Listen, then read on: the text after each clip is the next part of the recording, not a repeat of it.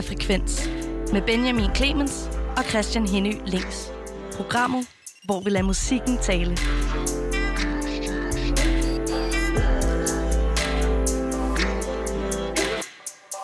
Det er nemlig fuldstændig rigtigt, og øh, her efter nyhederne, der fik du øh, Steps og hans øh, seneste nummer her, der hedder Guap.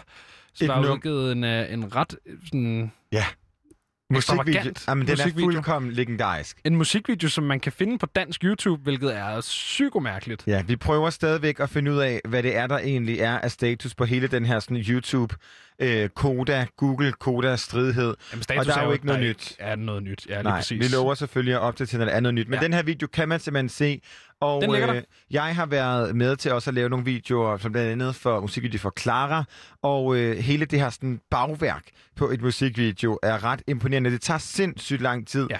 Og øh, den her har så ret mange forskellige locations og er skudt på forskellige nattetimer Ja. og dagstimer.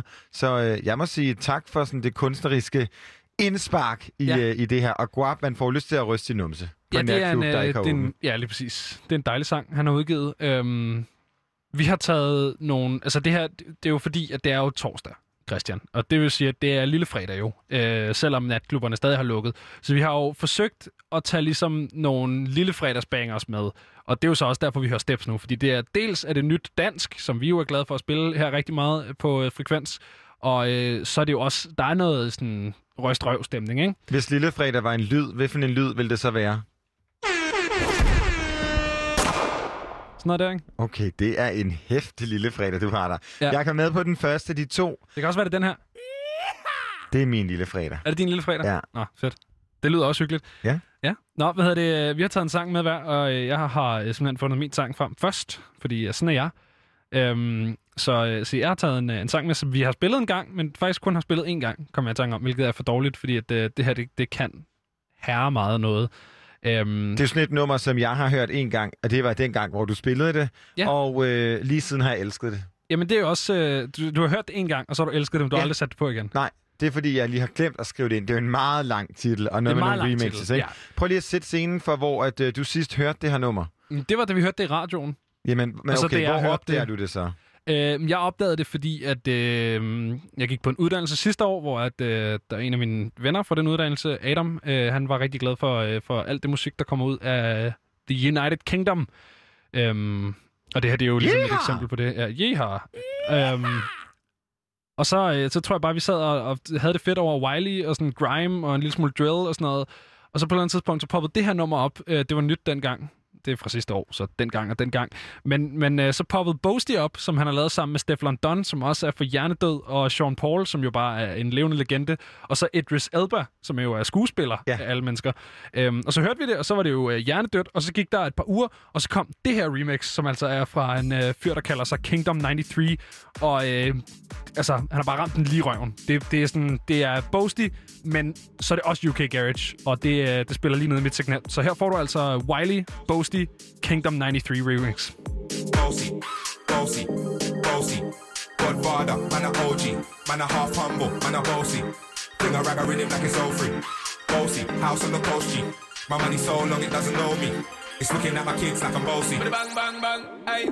Hey yo, Idris, tell them what they're gonna take the piss. One step you step out, do that turn up in a diss. Body comfortable, I'm physically fit. I'm in brown and sweet, just like the chocolate. Yo, Wiley, them ones sound the then I pussy pretty with the upper body. Shut down in the city with me bad girl pussy. Every man want piece of me. The back of them a pop and them a bun weed. Man want wine behind me, me have to move kind dusty. I'm looking for a brother who got hella pound. 079, baby, I'm a hammer to the shop.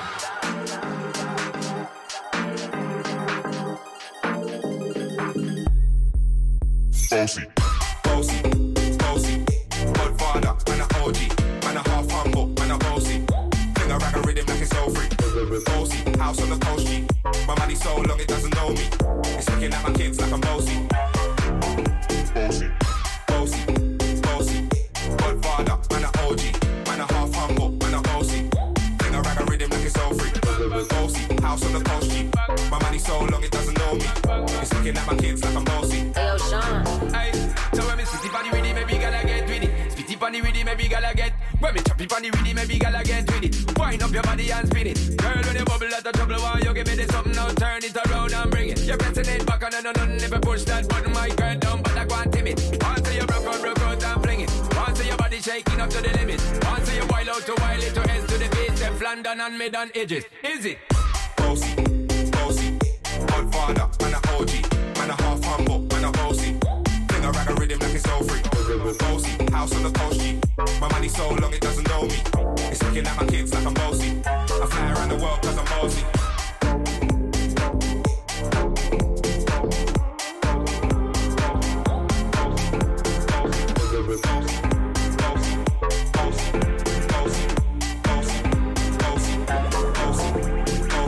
Came to rap, you know, do my thing. Sabi put me on the gram, you know, remix thing. Hold tight, Wiley with the Pacino flow. Godfather part two, call me De Niro. I came to win, battle me, that's a sin. Disrespect, man, get a slap on the chin. Man, a king, in a top, oh, Larry, man, a big DJ, Hawks, Megan and Harry. Boss, yeah, man, a boss. I make it get melt like a toasted. I've been this way someday, and I write for myself, no ghosting. These a boy got money in a bank on Ready for roll and blaze up this tank on Got the girls from Jangwan to Hong Kong The girl them champion In it Bossy, bossy. Godfather, man a OG, man a half humble, man a bossy. Bring a rag a rhythm like it's all free. Bossy, house on the coast G. My money so long it doesn't know me. It's looking at my kids like I'm bossy. I fly around the world cause I'm bossy. Bossy, bossy. Godfather, man a OG, man a half humble, man a bossy. Bring a rag a rhythm like it's all free. Bossy, house on the coast G. My money so long it doesn't know me. It's looking at my kids like I'm bossy. I fly around the world cause I'm bossy. Altså de der ting, der er gjort med, med bassen i Idris Elbers vers, hvor det sådan, den dropper lige et sekund, og så kommer den tilbage, og så er den bare sådan helt led og overstyret. Altså, det her remix, det holder. Den originale version af det her nummer holder. Der er også et andet remix. Det holder også, men det er kortere, og jeg vil gerne spille noget, der var længere. Øhm, og så er det her faktisk også mit yndlingsremix af den her sang. Der er Men- to officielle. Jamen, og alle undtagen Kingdom 93 er vel de originale også, ikke? Ja, det er de. ja. Ja, det, altså, er, det er et rent remix. Altså, det er de samme vokaltracks, det er det samme alting. Det er bare et, øh, en, en ny instrumental. Men det er meget grineren, hvor det, vi lyder også, som om det er speedet en lille smule op. Det er det også. Det går hurtigere, det her. For den anden er meget sådan... Altså, man føler lidt, man står på Jamaica. Og, Den anden er meget karibisk, Præcis. sådan reggaeton-agtigt, Ja. laid-back ting. Øh, den her er jo ren UK garage, og går derfor hurtigere sådan noget dansetempo, ikke? Jeg kan anbefale, hvis man er typen, som godt kan lide at øh, gå til musik, og Ja. ligesom holde tempo, så er den her sygt fed at gå til. Altså man- den her, eller man- den rigtige? Den her. Man går meget hurtigt. Man går meget sådan en model øh, på en catwalk, Ja. der har lidt travlt. Måske skal tisse. Måske og, skal tisse og lidt. kjolen er svær at få af, ja. så det er noget med lige hurtigt at komme ud igen. Ikke? Ja. Øhm, det er Ja. sådan, jeg har, når jeg hører det. Jeg synes, det er et genialt remix. Kan man tak også gå det. til, til din sang, Christian? Ja, og, øh, og min sang, det er sådan en, et nummer, jeg fik lyst til bare instinktivt at vælge, fordi det er sgu lidt dårligt. Og øh, jeg oplevede det øh, første gang for et par uger siden, da jeg var ude bag operan her i København, hvor ja. der er nogen, der har sat sådan en, en svinggynge op, så man kan svinge sig ud i vandet. Okay, stort. Og de her typer var lidt sådan nogle øh, sletteprinsesser og sletteprinser, som måske var Ja. blevet lidt for, for gamle til at være på sletten, ah. så nu Ah. ligesom sad derude og styrede musik og var kongerne af området bag operan. Og de spillede så det her nummer, som jeg shazammede, og det tager mig direkte tilbage til min tid på HX. Jamen, øh, her får du Griffin Remember featuring Sohara.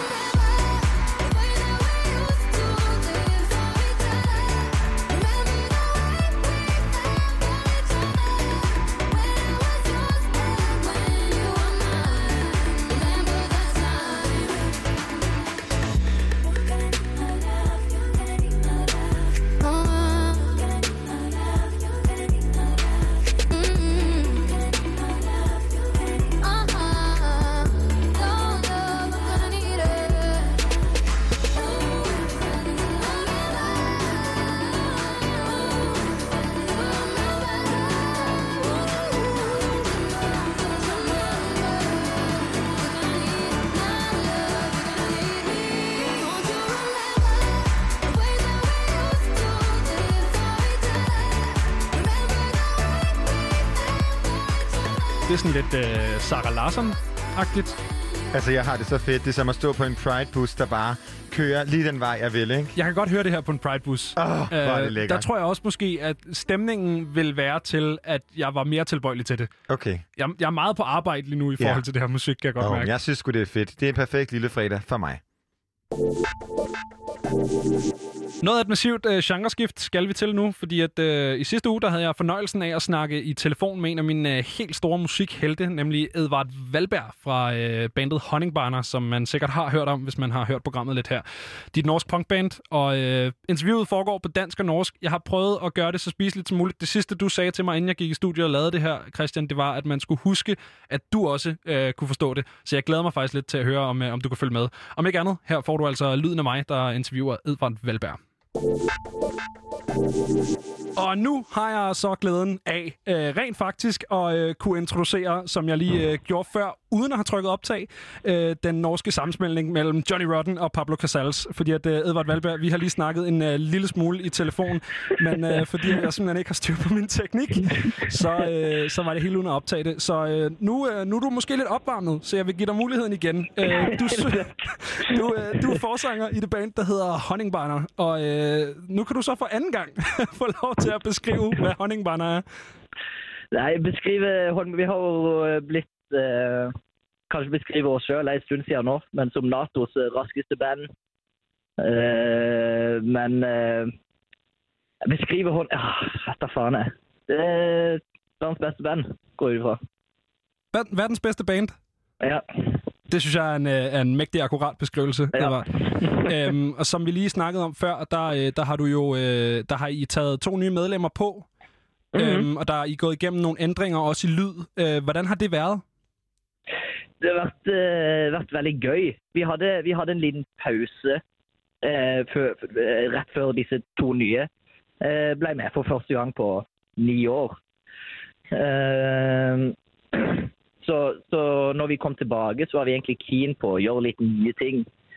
Eh, gjøre litt annerledes ting enn det vi hadde gjort tidligere. og det kommer liksom også ut at det jeg føles egentlig for første gang på, på ganske lenge som om det er en en kul og nyskapende og, eh, og spennende punkscene. Som er litt sånn antinostalgisk, og som det produserer fete ting. Eh, eh, nå som eh, vi har lyst til å liksom ta del i og, og være, ja, og være en skapende del i. Så det er liksom det vi har gjort, da, på en måte. Så, øh, så for lige at opsummere for øh, vores lyttere, som måske ikke er så kyndige i det norske sprog, så er det altså det her med at, øh, at ikke hænge sig så meget i, hvordan punken har lyttet, men i stedet for at kigge lidt fremad og, og prøve at lave noget nyskabende musik. Mm. Og, og Mm. det har jo så mundet ud i øh, den sang, som hedder En af os er idiot, som I har lavet, og som jeg har spillet, jeg ved ikke hvor mange gange øh, på det her program. Jeg synes, der er noget virkelig spændende i, Edvard, at det er ret sjældent, at et band, som har været aktiv lige så længe, som Honningbarner har, at deres nyeste sang også er en af deres fedeste sange. Øhm, så vil du, ikke, vil du ikke snakke lidt om, hvordan det var, og altså, hvordan, hvordan skabte I En af os er idiot? Hvordan skabte I den sang? Ehm, nei, men, men det er egentlig interessant det du, det du, det du snakker om der med, for at det har vært en ganske sånn eh, øh, utvikling i, i, liksom, i soundet vårt, og hvor vi er nå kontra hvor vi, hvor vi har vært. Og det har øh, det, det tror jeg har vært en veldig sunn greie for oss at musikken vår skal aldri være en idé. Det skal, musikken vår skal alltid kunne svare til det levde livet vårt, liksom. Eh, og da, siden vi var 17 når vi begynte, så har jo naturligvis livene våre òg forandra seg. Eh, og da forandrer lyden av livene våre òg seg.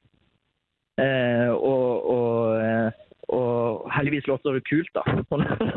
Men, Jeg, jeg synes, det lyder øh, jævligt kult.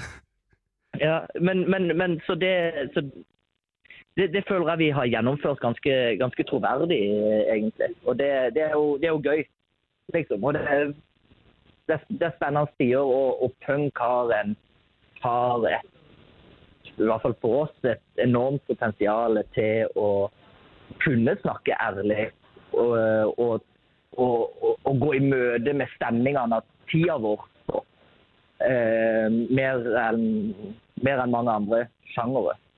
Ja, fordi det er jo en genre, som der er øh, utroligt meget energi i. Øh, ja, vi har, øh, vi har ikke snakket så meget øh, med øh, udøvende punkmusikere faktisk på det her program, øh, men vi har snakket med et par hardcore bands, som jo også er en genre, der læner sig meget op af punken. Mm. Øhm, og det er jo bare, altså man kan udtrykke sig på en anden måde i den her musik, fordi at der er så meget energi. Mm. Men, men jeg tror det er liksom det, er- det er altså hvis, hvis man skal liksom eh, ta det på alvor, det med at man skal eh, lage musikk som, som tar tida si på alvor, og som er liksom et eller annet uttrykk for stemningene vi lever i her i verden, Ja. så, så kler liksom et, en kaotisk lyd kler en kaotisk verden, en, en voldelig lyd kler en, en voldelig verden, liksom. Ja. Eh, og, og det, det, det er punken i veldig i, i, i en privilegert posisjon til å, til å gjøre, liksom. Og det, og det ser vi han gjør nå i, i, i så mange fete punkbands, liksom. Ja, helt bestemt. Sy- Synes du, det er en kaotisk verden, vi lever i? Ja, fullstendig. Hvad, hvad synes du, der er kaotisk ved den? Livene våre eh, Altså Hverdagen er så full av, av informasjon og forvirring og, eh, og, og, og kaos at det er umulig å Eller så å si umulig å, å, å, eh, å gjøre mening ut av den. Og, og, og, og verden gir ikke mening akkurat nå, mindre enn han har gjort på, på veldig, veldig, veldig mange år, liksom. Er det også det, en af os er idiot handler om? Det her med, at verden ikke giver mening, og det her med, at man bliver nødt til at tolke verdenen på sin egen måde, som nogle gange kan skabe konflikter mellem mennesker? Mm. Blandt, eh, blandt blant annet, og, det, og ikke bare politisk, men eksistensielt, liksom. Eh, og hvordan, hvordan man skal kunne fungere eh, i verden på når, når man kan leve i to forskjellige, liksom. Eller ikke bare to, men milliarder av forskjellige verdener. Ja, fordi der er jo, øh, ja, alle må have deres egen ligesom, øh, udblik på, hvordan, øh, hvordan tingene fungerer, ikke? Mm. Hvad hedder det? Apropos den her sang, En af os er idiot, Edvard, så ligger der jo en video på jeres YouTube-kanal, hvor I spiller En af os er idiot 50 gange øh, for en person ad gangen. Øh, hvordan var det at, øh, at, at spille det samme nummer 50 gange i træk? Helt jævlig. Nei, for det var gøy, for at, eller når, når korona kom, da, så, øhm, så, så liksom fikk man tilbud om streamingtjenester og Nei, jeg mener sånn eh, livestream-konsert og, og, og flere sånn bordkonserter og alt sånt. Men det, det, det, vi, vi fant liksom ikke en, en måte å holde konsert på som eh, kunne svare til den integriteten av liksom, det, det vi holder på med. da. For at på våre konsert, Jeg vet ikke om du har vært på Honningbar-konsert før, men det er jo et jævla trøkk og kaos og crowd, ja, moshpits og crowdsurfing Ja. og liksom oppå hverandre. Jeg har, jeg har været Øh. til et par af jeres koncerter, og det kan jeg ja. nikke meget genkendende til, det der. Ja, ja, ja ikke sant? Eh, Så, ehm, så, så liksom Vi følte nei, faen, vi kan, vi kan ikke spille. Men så, men så i- fant vi på ideen da å heller spille for én og én person. Ja. Så det var eh, det, For at Honningbar handler om kroppslighet, liksom. Det, det, og, og det er jo sånn som vi snakker om, at det er liksom eh, ekstremt eh, at Vi lever i en kaotisk og en forvirrende verden. Så er jo på en måte det vi stiller i dette med, er jo nettopp konsertene våre. Den type eh, og, og de type liksom kroppslige, opplevde sannhetene av liksom broderlighet og, og, og kaos og blåmerker og, og, og moro og, og alt dette sammen, da. Er liksom, vi prøver å skape 45 minutter som faktisk gir mening, liksom. Og det, og, og, og det, det er veldig viktig for oss, og det kan vi, vi bare ikke gjøre under eh, på en, på en livestream-konsert. For det handler om kropp. Liksom. Ja, der bliver nødt til at være den der menneskelige kontakt mellem folk, Netop. før man kan øh, afvikle en Honningbarner-koncert, som en Honningbarner-koncert skal opleves, ikke? Mm. Du må undskylde, jeg, jeg gentager dig en lille smule, men det er bare så dem, der ikke lige er, øh, er så stærke i det norske, også øh, ligesom kan, kan få glæde af det. Hvad hedder Ja. det? Hvad, altså, kunne man godt holde energien oppe når man kun spillede for én person? Altså, var der stadig den der sådan, jamen, energiske kommunikation? Fordi at I er jo et utroligt publikumscentreret band. Ja. Ja, det, det, altså, det, det var jo ikke en vanlig kon koncert, på en måde. Det, var, det har jo været jævla ukomfortabelt å liksom hoppe inn i den der ene stakkars personen som, uh, som var der. Men, uh, men det var liksom et gøy eksperiment i utholdenhet, liksom. Det tok jo åtte timer. Otte timer? Mm. Hold nu kæft. Hva, Ja, hvor, nei, så det fikk sånn nyvunnet respekt for Bruce Springsteen og gamle gutter som spiller faen meg åtte timer hver dag omtrent. hvor, hvor ondt havde du i halsen, da I var færdige? Åh, det var... det var, det var vittig, for etter vi var ferdige, så var det liksom den, den klubben vi, vi, vi gjorde dette her på, Ja. hadde bestilt liksom champagne og liksom gjort klart et bord til oss. og, «Oi, Nå skal vi feire at vi er ferdige. Men det var bare så sånn der eh, thousand yard stare-vib på, på alle. Så det ble, ble ingen feiring, for å si det sånn. Vi var helt gjørte. Der er et, øh, jeg, jeg, jeg har set den video mange gange, Edvard. Jeg, virkelig, jeg synes virkelig, den er sjov. Men der er sådan et, øh, sådan et klip af dig, efter I har spillet øh, sangen 40 gange, hvor du også bare ser fuldstændig blank ud. Altså, du, du er slet ikke... Bare det eneste, eneste, du har at sige, det er, jeg er så jævligt fucked. Hvad hedder det? Øh, Og, og øh, med det, så synes jeg faktisk, at øh, du skal hænge på, Edvard. Men, øh, men vi skal lige høre en af os er idiot. Så, så hæng på, og så snakker vi videre bagefter. Ja.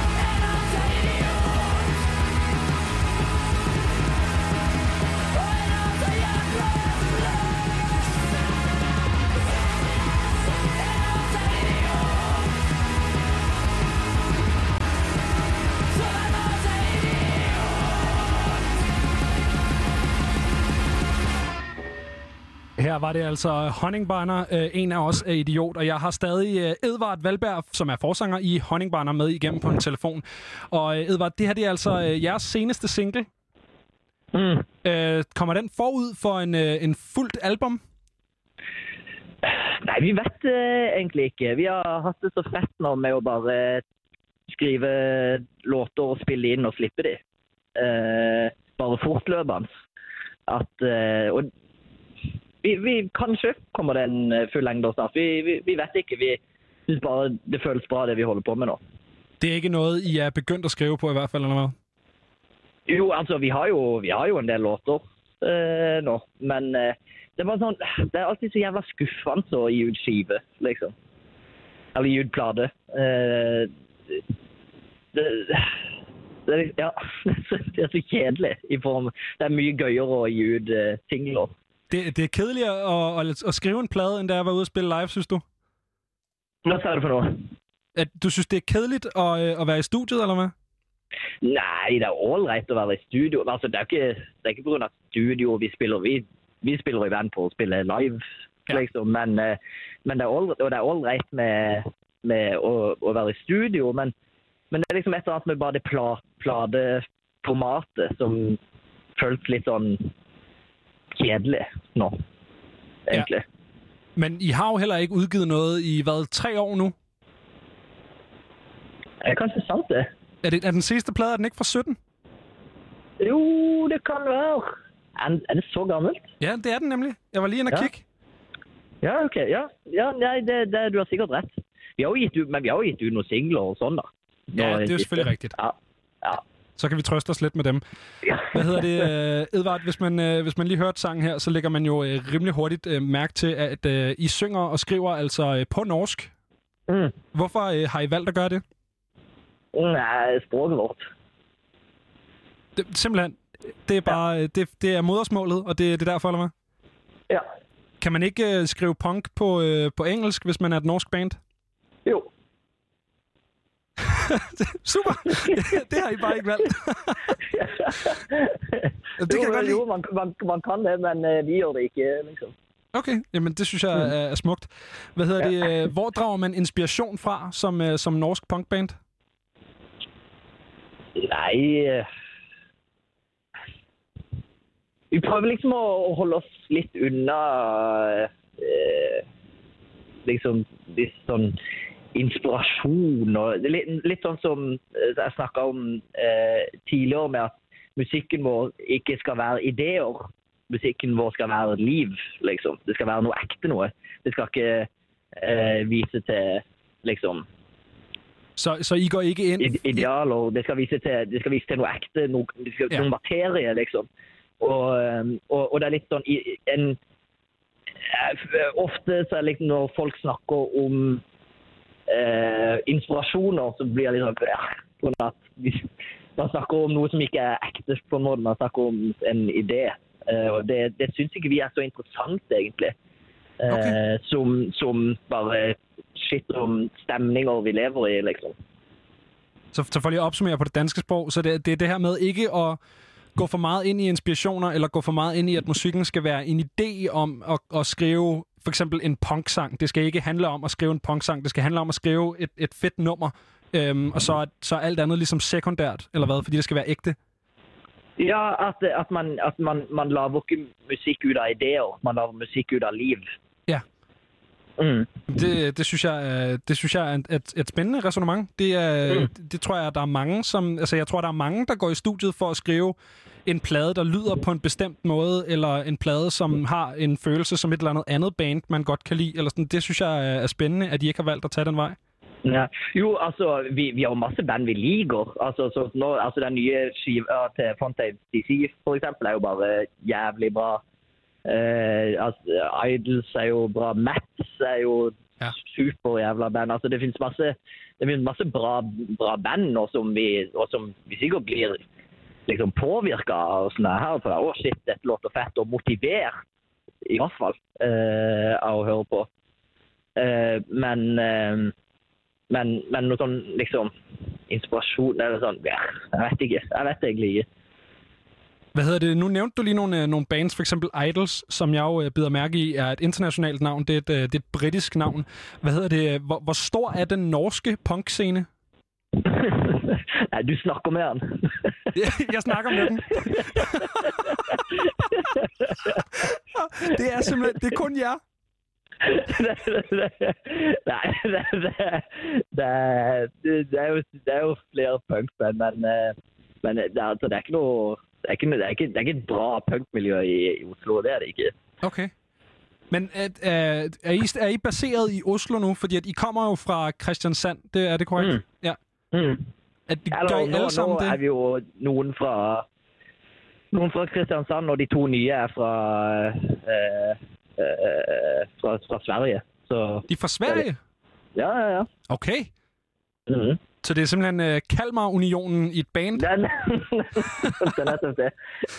Nej, hvor smukt. Hvad hedder det? Så mangler I jo bare en dansker. Ja, nei, det er jo nettopp det, da. Men eh, vi, får, vi får finne ut av noe neste gang. Ja, det er godt. Hvad hedder det? Øh, hvor langt omkring kan man, øh, kan man komme, når man, når man synger på norsk? Altså, hvor mange lande kan man ligesom tage til? Altså, det, man kan sige, det går rimelig godt for kvælertak, for eksempel. Mm. Ja, men man hører, med Kvelertak hører man jo ikke hva synger på norsk engang. Nej, det er jo selvfølgelig rigtigt. Nei, men, eh, men ja, igjen eh, jævla, jævla bra band. Men eh, Hvor langt Nei, altså Det er jo live, så tror jeg at man eh, så På en Honningbarn-konsert man, man trenger ikke å forstå ordrett hva jeg prater om, for å forstå hva vi mener. På en måte. Så det er altså det her... Men, det, det, det, vi- det vi vil formidle, er jo dette kaoset, dette uforutsigbare, liksom eh, voldsomme, men gøye, liksom. Og, og, det, og den aggresjonen der, den, den, eh, den, den kan man vise på andre måter enn med ord. Eh, så, så live så tror jeg, tror jeg det går fint, men, men sånn innspilt musikk, spesielt nå i tidene med liksom rundt Spotify og sånn, så er det helt faktisk umulig for oss å komme på ei, på ei engelsk eh, spilleliste av, av- noen av de at de Okay. på norsk. Mm. Nå, det er, da, det er da meget sejt, men, men som du siger her, bare lige for at, at gentage igen på dansk, hvad hedder det, det handler altså ikke nødvendigvis om, om ordret at forstå, hvad der foregår. Det handler om, om sådan følelsen og, og det, den her sådan mere følelsesmæssige og fysiske formidling af kaoset og den, den voldsomme, men, men sjove energi. Hvad hedder det? Som jeg nævnte tidligere, Edvard, så har jeg jo haft fornøjelsen af at opleve Honningbarner live. Øh, ikke en, men to gange faktisk. Øh, og begge gange er, er det nogle af de sådan, højeste, øh, mest energiske koncerter, øh, jeg ligesom har oplevet. Hvad, hvad har I af sådan, sådan backstage-ritualer, I, I har for at hype hinanden op og kunne få den her energi op?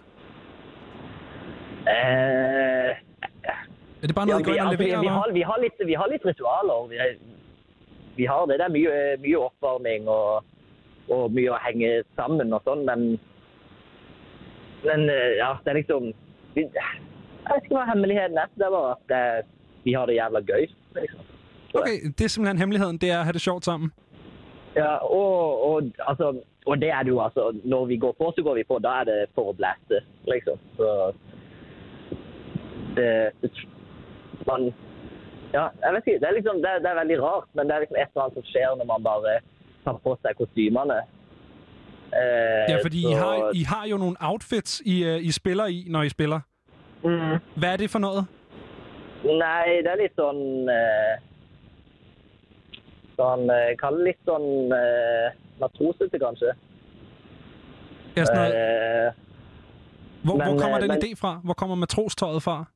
Nei, det, eller, det er jo ikke rent matros, da. Men, eh, Nei, men- men, det, men det litt. var bare jævla det, Jeg syns bare det er kult. Ser bra ut. Det ser bare fedt. Liksom, ja, og så er det et kult eh, eh, En kul motsetning, eller det, det med å balansere uttrykket vårt, på en måte. Sånn som vi, vi har jo ikke lyst til å ha liksom bare svart backdrop og svart backline og svart rocketøy. Og vi vil liksom prøve å balansere det litt mer. Ja. Så da er det, da er det ålreit med, med de, de kostymene. Ja, for det har ikke altid været øh, matrostøj. Jeg kan huske en gang, der spillede du for eksempel i, øh, i skjorte og, og blå sweater. Og Mm. øh, den gang, du gjorde det, det var øh, en af de gange, jeg oplevede jer. Det var øh, et spillested, der hedder Huset her i København. Og øh, der mindes jeg, at øh, du ikke havde din mikrofon igennem næsten halvdelen af koncerten, fordi den altså gik tabt i, øh, i moshpits og lignende. Hvad er det? Hvordan kommer man igennem en koncert som forsanger uden en mikrofon? Nei, eh, men, det, men det, er jo, det er jo sånn type ting som honningbarkonserter handler om. Liksom. Og det er, ja, det er den, det, og det er jo den uforutsigbarheten der med at vi- nei, der forsvant mikrofonen. Det er jo sånn det er jo den tingen vi vil dyrke. Sånn det. Det er jo bare det, det er det vi vil gjøre. Og det er, for det er så gøy. Ja, det er, konserter er så jævlig kjedelige ofte. Ja, ikke på, når jeg går på konserter. Det er så sinnssykt kjedelig, for alt er bare så jævla profesjonell. Alt er så eh, planlagt og liksom øvd inn sånn der smisk man driver og sier fra scenen. Eh, som ja, Alt er liksom så kunstig. Det er liksom ingenting som lever. Og det vil vi på våre konserter. Eksempel at man mister mikken ja, halve, halve settet grunn av at den bare forsvinner ut i publikum og dukker ikke opp igjen. liksom. Men ja, ja, det blir mindre vokal, men, men det er i hvert fall noe som skjer. liksom. Noe spennende, noe, noe, noe, ja, noe fullt av liv. Ja, fordi det gør jo ikke noget, at man ikke nødvendigvis kan høre dig hele tiden, fordi energien Nej. er den samme. Og du ja. er jo selv ude i moshpittet. Jeg kan huske, at det endte med at være sådan en stor samarbejdsøvelse for, for os publikum at prøve at få mikrofonen tilbage i dine hænder. Ja, ja, Og det endte med, at nogen fra publikum stod og råbte med på halvdelen af teksterne. Og sådan. Det, det skaber jo bare en, en fælles oplevelse for publikum og band sammen, tænker jeg. Øh, som jo på en eller anden måde også formidler den, det her kaos og, og den her Mm. sådan, øh, jamen, tilfældighed, som, som I også er, øh, er meget for i Honningbarner. Mm. Hvad hedder det? Mm. Jeg kommer lige i tanke om, sådan, altså, når det nu hele jeres æstetik er meget, eller i hvert fald musisk er meget det her med jamen, kaos og, og tilfældighed, og det her med, at, at, at verden er underlig. Øhm, hvordan kommer man så til at hedde Honningbarner, som, så vidt jeg forstår, betyder honningbørnene? Ja. Nei, altså vi var Altså, når vi bestilte det, når, når, når vi bestemte det navnet, så var vi 17 år gamle og hadde aldri, trengt, hadde aldri tenkt at det her skulle bli noe i det hele tatt. Eh, Bandet men- startede, da I var 17, simpelthen? Ja. Okay, vildt nok. Ja, ja. Det er vildt, har Eh, holdt så så har vi længe. holdt på i ti år, basically. Sejt. Nå, Mhm. Nå undskyld. Fortsæt endelig med, hvordan ja. I kom til at hedde Honningbarner. Eh, nei, og så nei, og så bare det, det ble bare sånn, liksom. Vi tenkte ikke ordentlig over det. Det var Det bare ble sånn. Man kan sige, det er jo, øh, det er jo blevet til en, en god live gimmick, fordi I har jo det her, hvor så råber I honning, og så råber publikum tilbage barner, og så er der igen den Ja. her sådan, samarbejdsting mellem Ja. band og publikum. Men, men, men, men for det er jo, sånn som du var inne på eh, eh, just nå tidligere, med dette, dette samarbeidet mellom, mellom scene og publikum, det har virkelig alltid eh, vært i kjernen av Honningbarna. Altså, sånn som eh, på, på konserter så er det vi er ute i publikum, og publikum spiller på, på våre instrumenter og synger i, i mikkene våre. Vi lager sånn som vok vokalene på, på, på låtene er liksom lagd for at publikum skal kunne synge Ja. eh, med å ta del i, i en honningbarnkonsert. Ikke bare som, som publikummer, men eh, vi vil, og, og, vi, og vi må sørge for at på hver konsert så har hver ene publikum eh, en definisjonsmakt over hva denne konserten skal være. Det, det er liksom ikke vi står og spiller musikk for publikum. Det er at vi sammen eh, skaper den happeningen. da. Ja. Eh, som, som er at alle har helt konkret eh, et kreativt eh, eierskap til, til konserten. Eh, og og det, det er veldig viktig for oss. Ja, det skaber også et andet udtryk. Uh, vi skal høre en sang om lidt, som I har, uh, har lavet, der hedder Fri Palæstina. Og hvis man går uh, på YouTube og finder uh, den video fra, uh, fra Roskilde Festival i 15, hvor I spiller uh, Fri. Ja. Palæstina, så kan man faktisk ja. se mig op på scenen lige bag ved dig, øh, hvor at der endte jo med, at halvdelen af publikum blev revet op på scenen, og der står et Ja, ja, ja. kæmpe crowd deroppe. Så, det er jo den der sådan... Altså, en Honningbrænder-koncert er meget det her samarbejde mellem jer mm. og publikummet, og, og man føler sig virkelig man føler sig set på en anden måde som publikum, fordi at det hele er, der er ikke rigtig nogen, den der magtstruktur. Det er ikke sådan Mm. en, øh, sådan en Nej, nej. skolebænk, hvor I er lærerne, og vi er eleverne. Det hele er bare sådan en stor. Mm. pærevælling, ikke? Mm. Hvad hedder det? øh, Når det er sagt, øh, Edvard, så synger du jo ikke kun i Honningbarner. Du spiller også cello. Ja. Ja, og det var jo så også grunden til, at jeg sammenlignede dig med Pablo Casals tidligere. Ja. Hvad hedder det? øh, Hvordan opstod din kobling mellem det at spille cello og så øh, punkmusikken? Nei, altså eh, Sånn som Altså, det, det er ingen i verden som spiller strykeinstrument som har villet det sjøl. Det, er- det er foreldre som kommer hjem med, med strykeinstrument og som, Ah, det er tvinger, og som tvinger deg til å øve. Eh, så, eh, så, så det var bare sånn. Nei, det er liksom jeg Pappa kom hjem med en cello, og så måtte jeg spille på den, liksom. Det er fordi, det var det, du havde. Ja. Eh, og så og så jeg, jeg var, hørte egentlig bare på hiphop når jeg var, når jeg Ok. var kid. Eh, og opp til liksom starten av ungdoms, eh, ungdomstida mi. Men så eh, så, så dukka, dukka det opp et sånn Eller ikke dukka opp, men jeg eh, fant Eller eh, ble gjort klar over et, et norsk punkband som heter Kjøtt. Eh, og som mm, jeg bare syns var så gøy, liksom. Ja. Eh, virker så Ja. Først var, hadde en sånn enorm kapasitet for moro. Eh, som som, er, som var vanskelig å ikke bare bli trukket til, liksom. Du siger det. Eh, så så det, var- det var sånn. Og også når vi begynte å Når vi traff hverandre på videregående, eh, meg og guttene, Ja. så, så, så gjorde man jo Vi var musikkinteressert, for vi gikk på musikklinja. Og vi gjorde det 17 år gamle gutter som er interessert i musikk, gjør. Vi begynte, begynte å spille i band sammen, liksom, som kamerater. Og, og da liksom tar man det man har. Og jeg spilte cello, liksom. Så ja, da ble det det. Hvad, hvad, er, du så, er du så, fordi du nævner det her med, at der er ikke nogen, der spiller cello eller stryger generelt frivilligt. Det er alle sammen nogen, der er blevet tvunget til at øve. Er du glad for, at du blev tvunget til at øve som barn? Ikke. Okay, det, det siger vi. Hvad hedder det? Ja, helt til sidst her, Edvard, øh, fordi jeg har set dig gøre det flere gange. Er det ikke pisse skræmmende at stage-dive med en cello i hånden? Jeg tror det er mer skremmende for publikum, for det er den der pingen på. Det var holdt på å gå så jævlig galt eh, noen ganger. Men, eh, men eh, nei, herregud, det går bra, det. At det, er, det er aldrig gået galt med den pik der. Ja, nei, ikke, eller ikke som jeg vet. Men øh, det har holdt på å gå galt. Jamen, øh, jeg, vil, jeg, vil, det er, jeg synes, det er smukt. Jeg synes virkelig, at billedet af stage dive med en cello er, er noget helt, helt bestemt. Hvad hedder det? Øh, jeg vil sige tusind tak til dig, øh, Edvard Valberg, altså forsanger i bandet Honningbarner. Og her får du altså lyden af punket cello på det nummer, I har lavet, der hedder Fri Palæstina.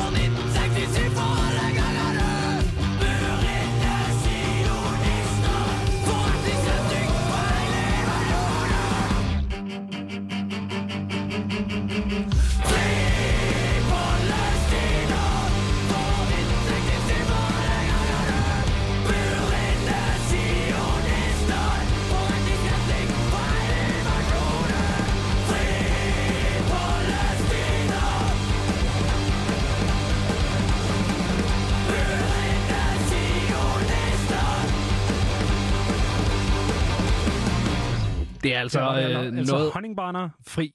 noget af et fucking band, det der. Det er... Øh, ja, jeg synes, han er, jeg synes, han var svedig. Jeg, synes, det var, jeg, jeg var meget, meget glad for at få lov til at snakke med ham. Det er jo noget musik, jeg har hørt øh, meget længe, det her. Ja, også noget musik, du faktisk har, har stiftet en eller anden form for kærlighed til, ikke? Jo, altså jeg tror i hvert fald... Du har jo... Nu, Du har nu rykket dig, er Christian, til. for helvede. Undskyld, undskyld, det er mig, der ruder. Jeg tror i hvert fald, at øh, en af os, Idiot, er blevet sådan... øh, Det er lige faktisk lige blevet tilføjet til min spilleliste, som nu ligger øh, kapslet ja. rigtig godt ind i Lady Gaga, Ariana Grande og Miley Cyrus.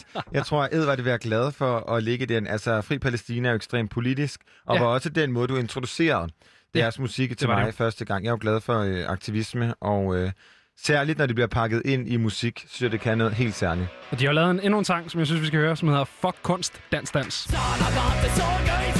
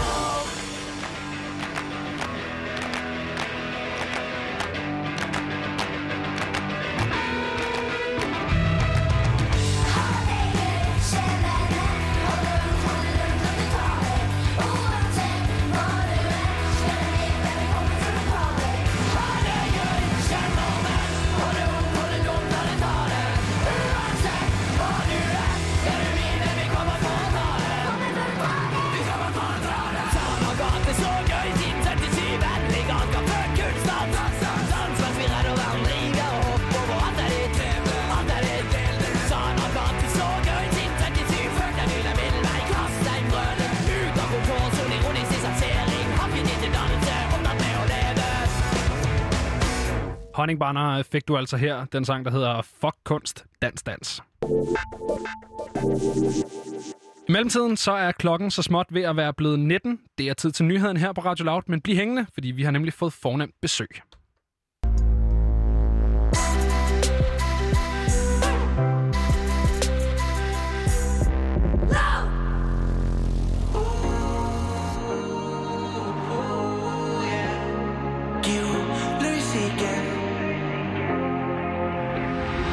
Mund du går, gemmer dig et sted Sommeren gik og tog dig med Som en drøm, jeg ikke kan forstå Var du virkelig, eller virkelig hurtig til at gå? Du faldt ned på mig som sommeren Men hvor er du nu? Du som blomster på en motorvej Man ikke kan nå mig Så synes jeg du skulle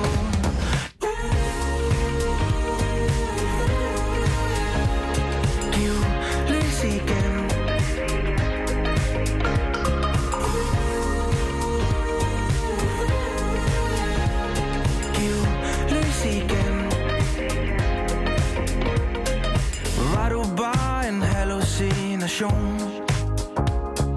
Et hurtigt kys på Nørreport station.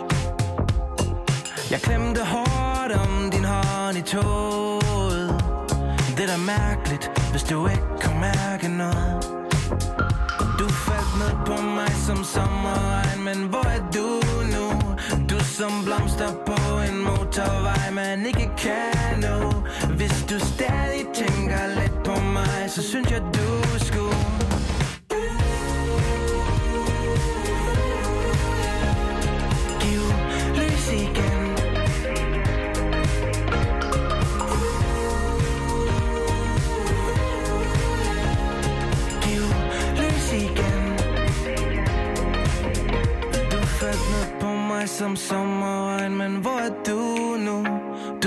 blomster på en motorvej, man ikke kan nå.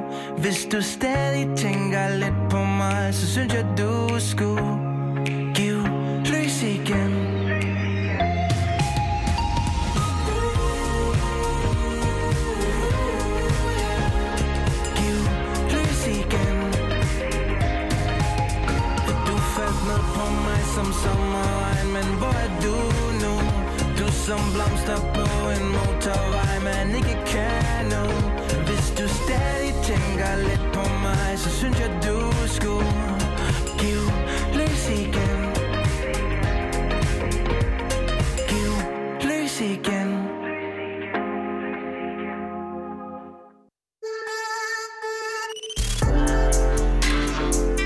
af Frekvens med Benjamin Clemens og Christian Henny Links.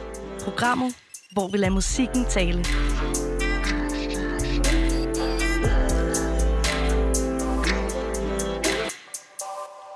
Det er det nemlig, og øh, lige her efter nyhederne, der fik du Aksglæde og det nye nummer, han har udgivet, som hedder Giv lys igen. Det er altså endnu en øh, fed sang, som udkom i fredags.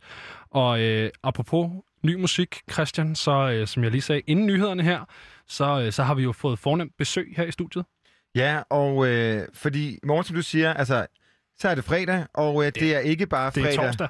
Jamen, det er jo torsdag i dag, men i morgen er det fredag, ikke? I morgen, okay. Ja. Men du siger bare, at det er fredag i dag. Nej, jeg sagde, i morgen er det fredag. Nå, men så er det mig, der ikke kan finde ud af at høre efter. Jamen, det kan også være, det er mig, der kan Det er også finde mit ud af at arbejde at tale. Ikke desto Ikke mindre, at så øh, kommer der simpelthen ny musik, og fra dagens første og eneste gæst, som jo egentlig er en trio lige nu, der øh, kommer der en debut-EP. Den hedder He Told Me To Use The Left Side of My Brain More, og nu kan vi simpelthen byde velkommen til Frederik, Karl Johan og Laura. Hej. Goddag. Goddag. Goddag. Tænker man egentlig over, at det er sjovt, måden du lige sagde goddag på, det er ikke var sådan lidt øh, karikeret. Tænker man over det, hvordan man skal sige sit goddag, når man træder ind i et studie? Mm, nej, det tror jeg ikke. Jeg tror bare, det kom lidt øh, sådan ud af det blå. Ja, jeg tænker, jeg tænker meget over det. Hvad siger du? Ka- Karl har været rigtig meget i radioen, snakkede vi om tidligere i dag. Ja, vi skulle også hilse fra, øh, fra Mathias Stilling fra Ja. Klub, som I måske, ja. du måske Oj, kan huske ja, inden jeg fra kender- jeg kender Uniradioen. Mathias. Ja. Han er, han er, han er sgu dejlig. Hvad, Flot mand. hvad har bragt dig i radioen før øh, din musik? Jamen altså, jeg har jo haft nogle øh, projekter før, nar, øh, hvor jeg har været i, øh, meget i Uniradioen sammen med Mathias Stilling. Øh, både med et projekt, der hedder Libra, øh, og så har jeg selv også været inde med mit soloprojekt. Ja. Så det er sådan, ja. Og nu er du herinde som nar, og lad os lige uh, sætte scenen. Hvem er nar? Øhm, jamen, NAR er en duo-konstellation mellem øh, mig og Karl. Øh, vi startede med at lave musik i 2018. Øhm, kom lidt i samme studie. Karl er en del af studiet på Blejdomsvej, hvor jeg kom og lavede noget musik med nogle af de andre, der var deroppe. Og så tog vi ud og drak nogle bajer en dag. Og så øh, snakkede vi om, hvorfor fanden vi ikke lavede musik sammen. Øh, og så, ja, så havde Karl han havde en masse sådan snippets, elektroniske ting på sin computer. Så tog vi egentlig bare op, og så kunne vi godt mærke fra første session, at der ligesom var et eller andet øhm, sindssygt øh, sådan samarbejde mellem, mellem mig og ham. Kom I på nogle gode grunde til, at I ikke lavede musik sammen? Bliver man lidt nysgerrig? Altså, fordi i dag laver I musik sammen, men var der noget, hvor I var sådan, ah, lige her er måske grunden, eller hvad? Det ved jeg sgu ikke rigtigt. Altså, jeg tror, jeg tror meget af det til at starte med var bygget på, at vi, vi, vi, vi havde det sjovt.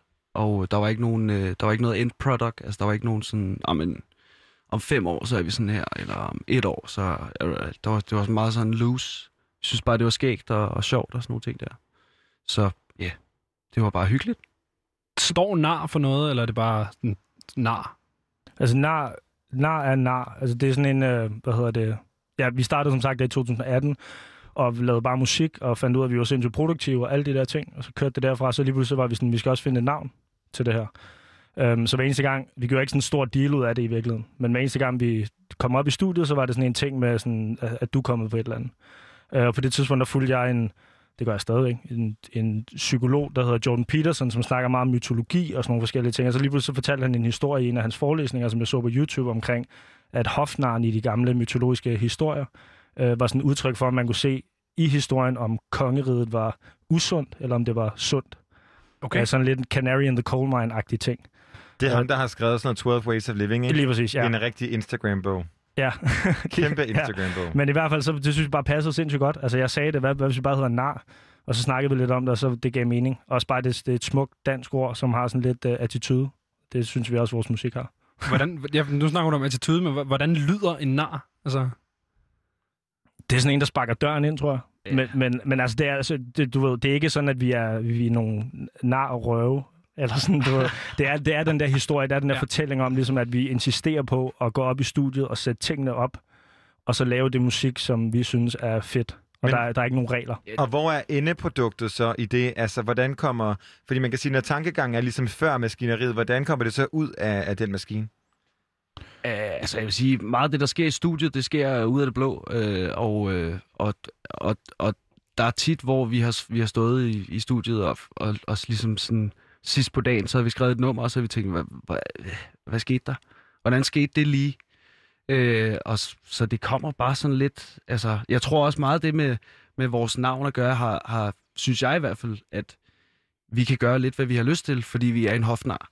Så det er sådan så længe det er underholdning. Jamen lige jamen, på en eller anden måde, så er det sådan, sådan og det tror jeg, det tror jeg har, altså, har stor betydning, når vi er i studiet sammen, at der er ikke noget, der er ikke nogen vej, der skal gå. Altså, vi skal ikke gå en bestemt vej. Der er ikke nogen sådan bestemt måde at gøre det på. Vi gør det bare på vores egen måde. Ja. Jeg, jeg øh, fik en pressemeddelelse om jer, hvor at, øh, projektet bliver kaldt lidt som Gorillas med en masse features med sangerinder, rappere og så videre. Og øh, nu står vi jo og skal udgive den her EP i morgen, som vi også skal høre. Faktisk næsten til fulde, hvis vi kan nå det i dagens program. Øh, men uden en eneste, sådan, i hvert fald officiel, øh, sådan, promoveret feature. Hvad øh, er der sket? Øhm, ja, men det var jo, altså i starten var det jo seriøst bare det der med at tage og drikke bajer. Vi vidste ikke rigtigt, øh, sådan, hvor det skulle hen. Øh, men da vi fandt ud af, at vi havde den der connection til første session, så tror jeg bare, at det sådan løb lidt ud i sandet, det der med at få en masse features på. Men så er vi jo sindssygt heldige at få et stort band på. Vi er syv mennesker øh, i bandet, nogle rigtig dygtige folk, hvor at en af dem, som vi også har taget med i dag, som hedder Laura, hun er vores korsangerinde, og både sådan i vores tre stemmer fandt vi ud af, at der var et eller andet. Også på et menneskeligt plan connected vi, og så er hun sindssygt dygtig, så vi har taget en ret meget med i studiet. Um, vi har ikke kaldt det der, vi har ikke kaldt det en feature, Laura. Fordi at som nar altid, eller hvad hedder det, undskyld, som Karl han altid siger, så hun nars fortabte datter, så hun er, hun er sindssygt meget med Okay. øh, hele tiden i de ting, vi laver, og, og sådan, ja, så hun er, hun er blevet en stor del af det. Men, så, men, men det er stadig jer to, der ligesom er nar, og så Ja. er du mere med på sådan en freelance basis, okay, hvis man kan kalde det det, Laura. Freelance? Ja, altså...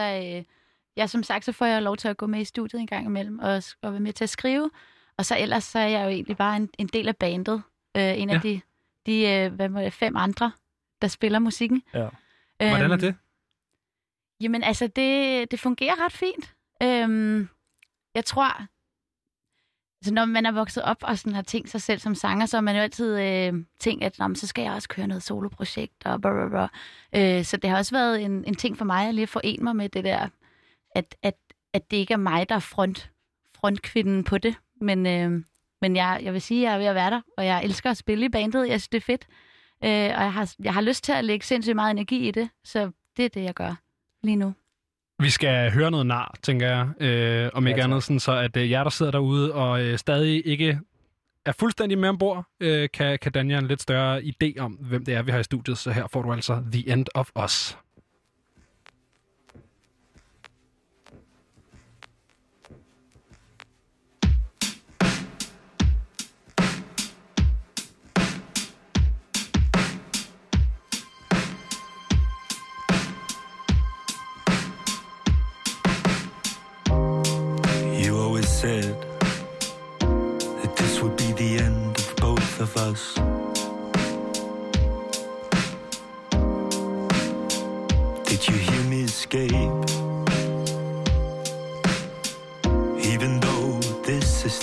The end of us.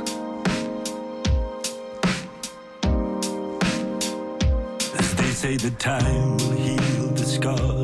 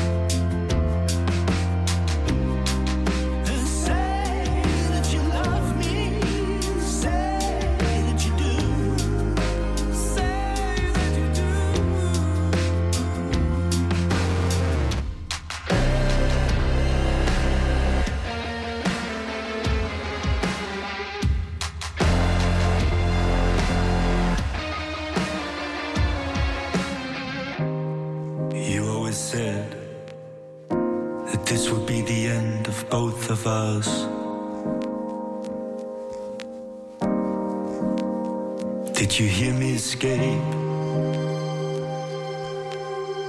Even though this is the end of us. As they say, the time will heal the scars, will write the songs and make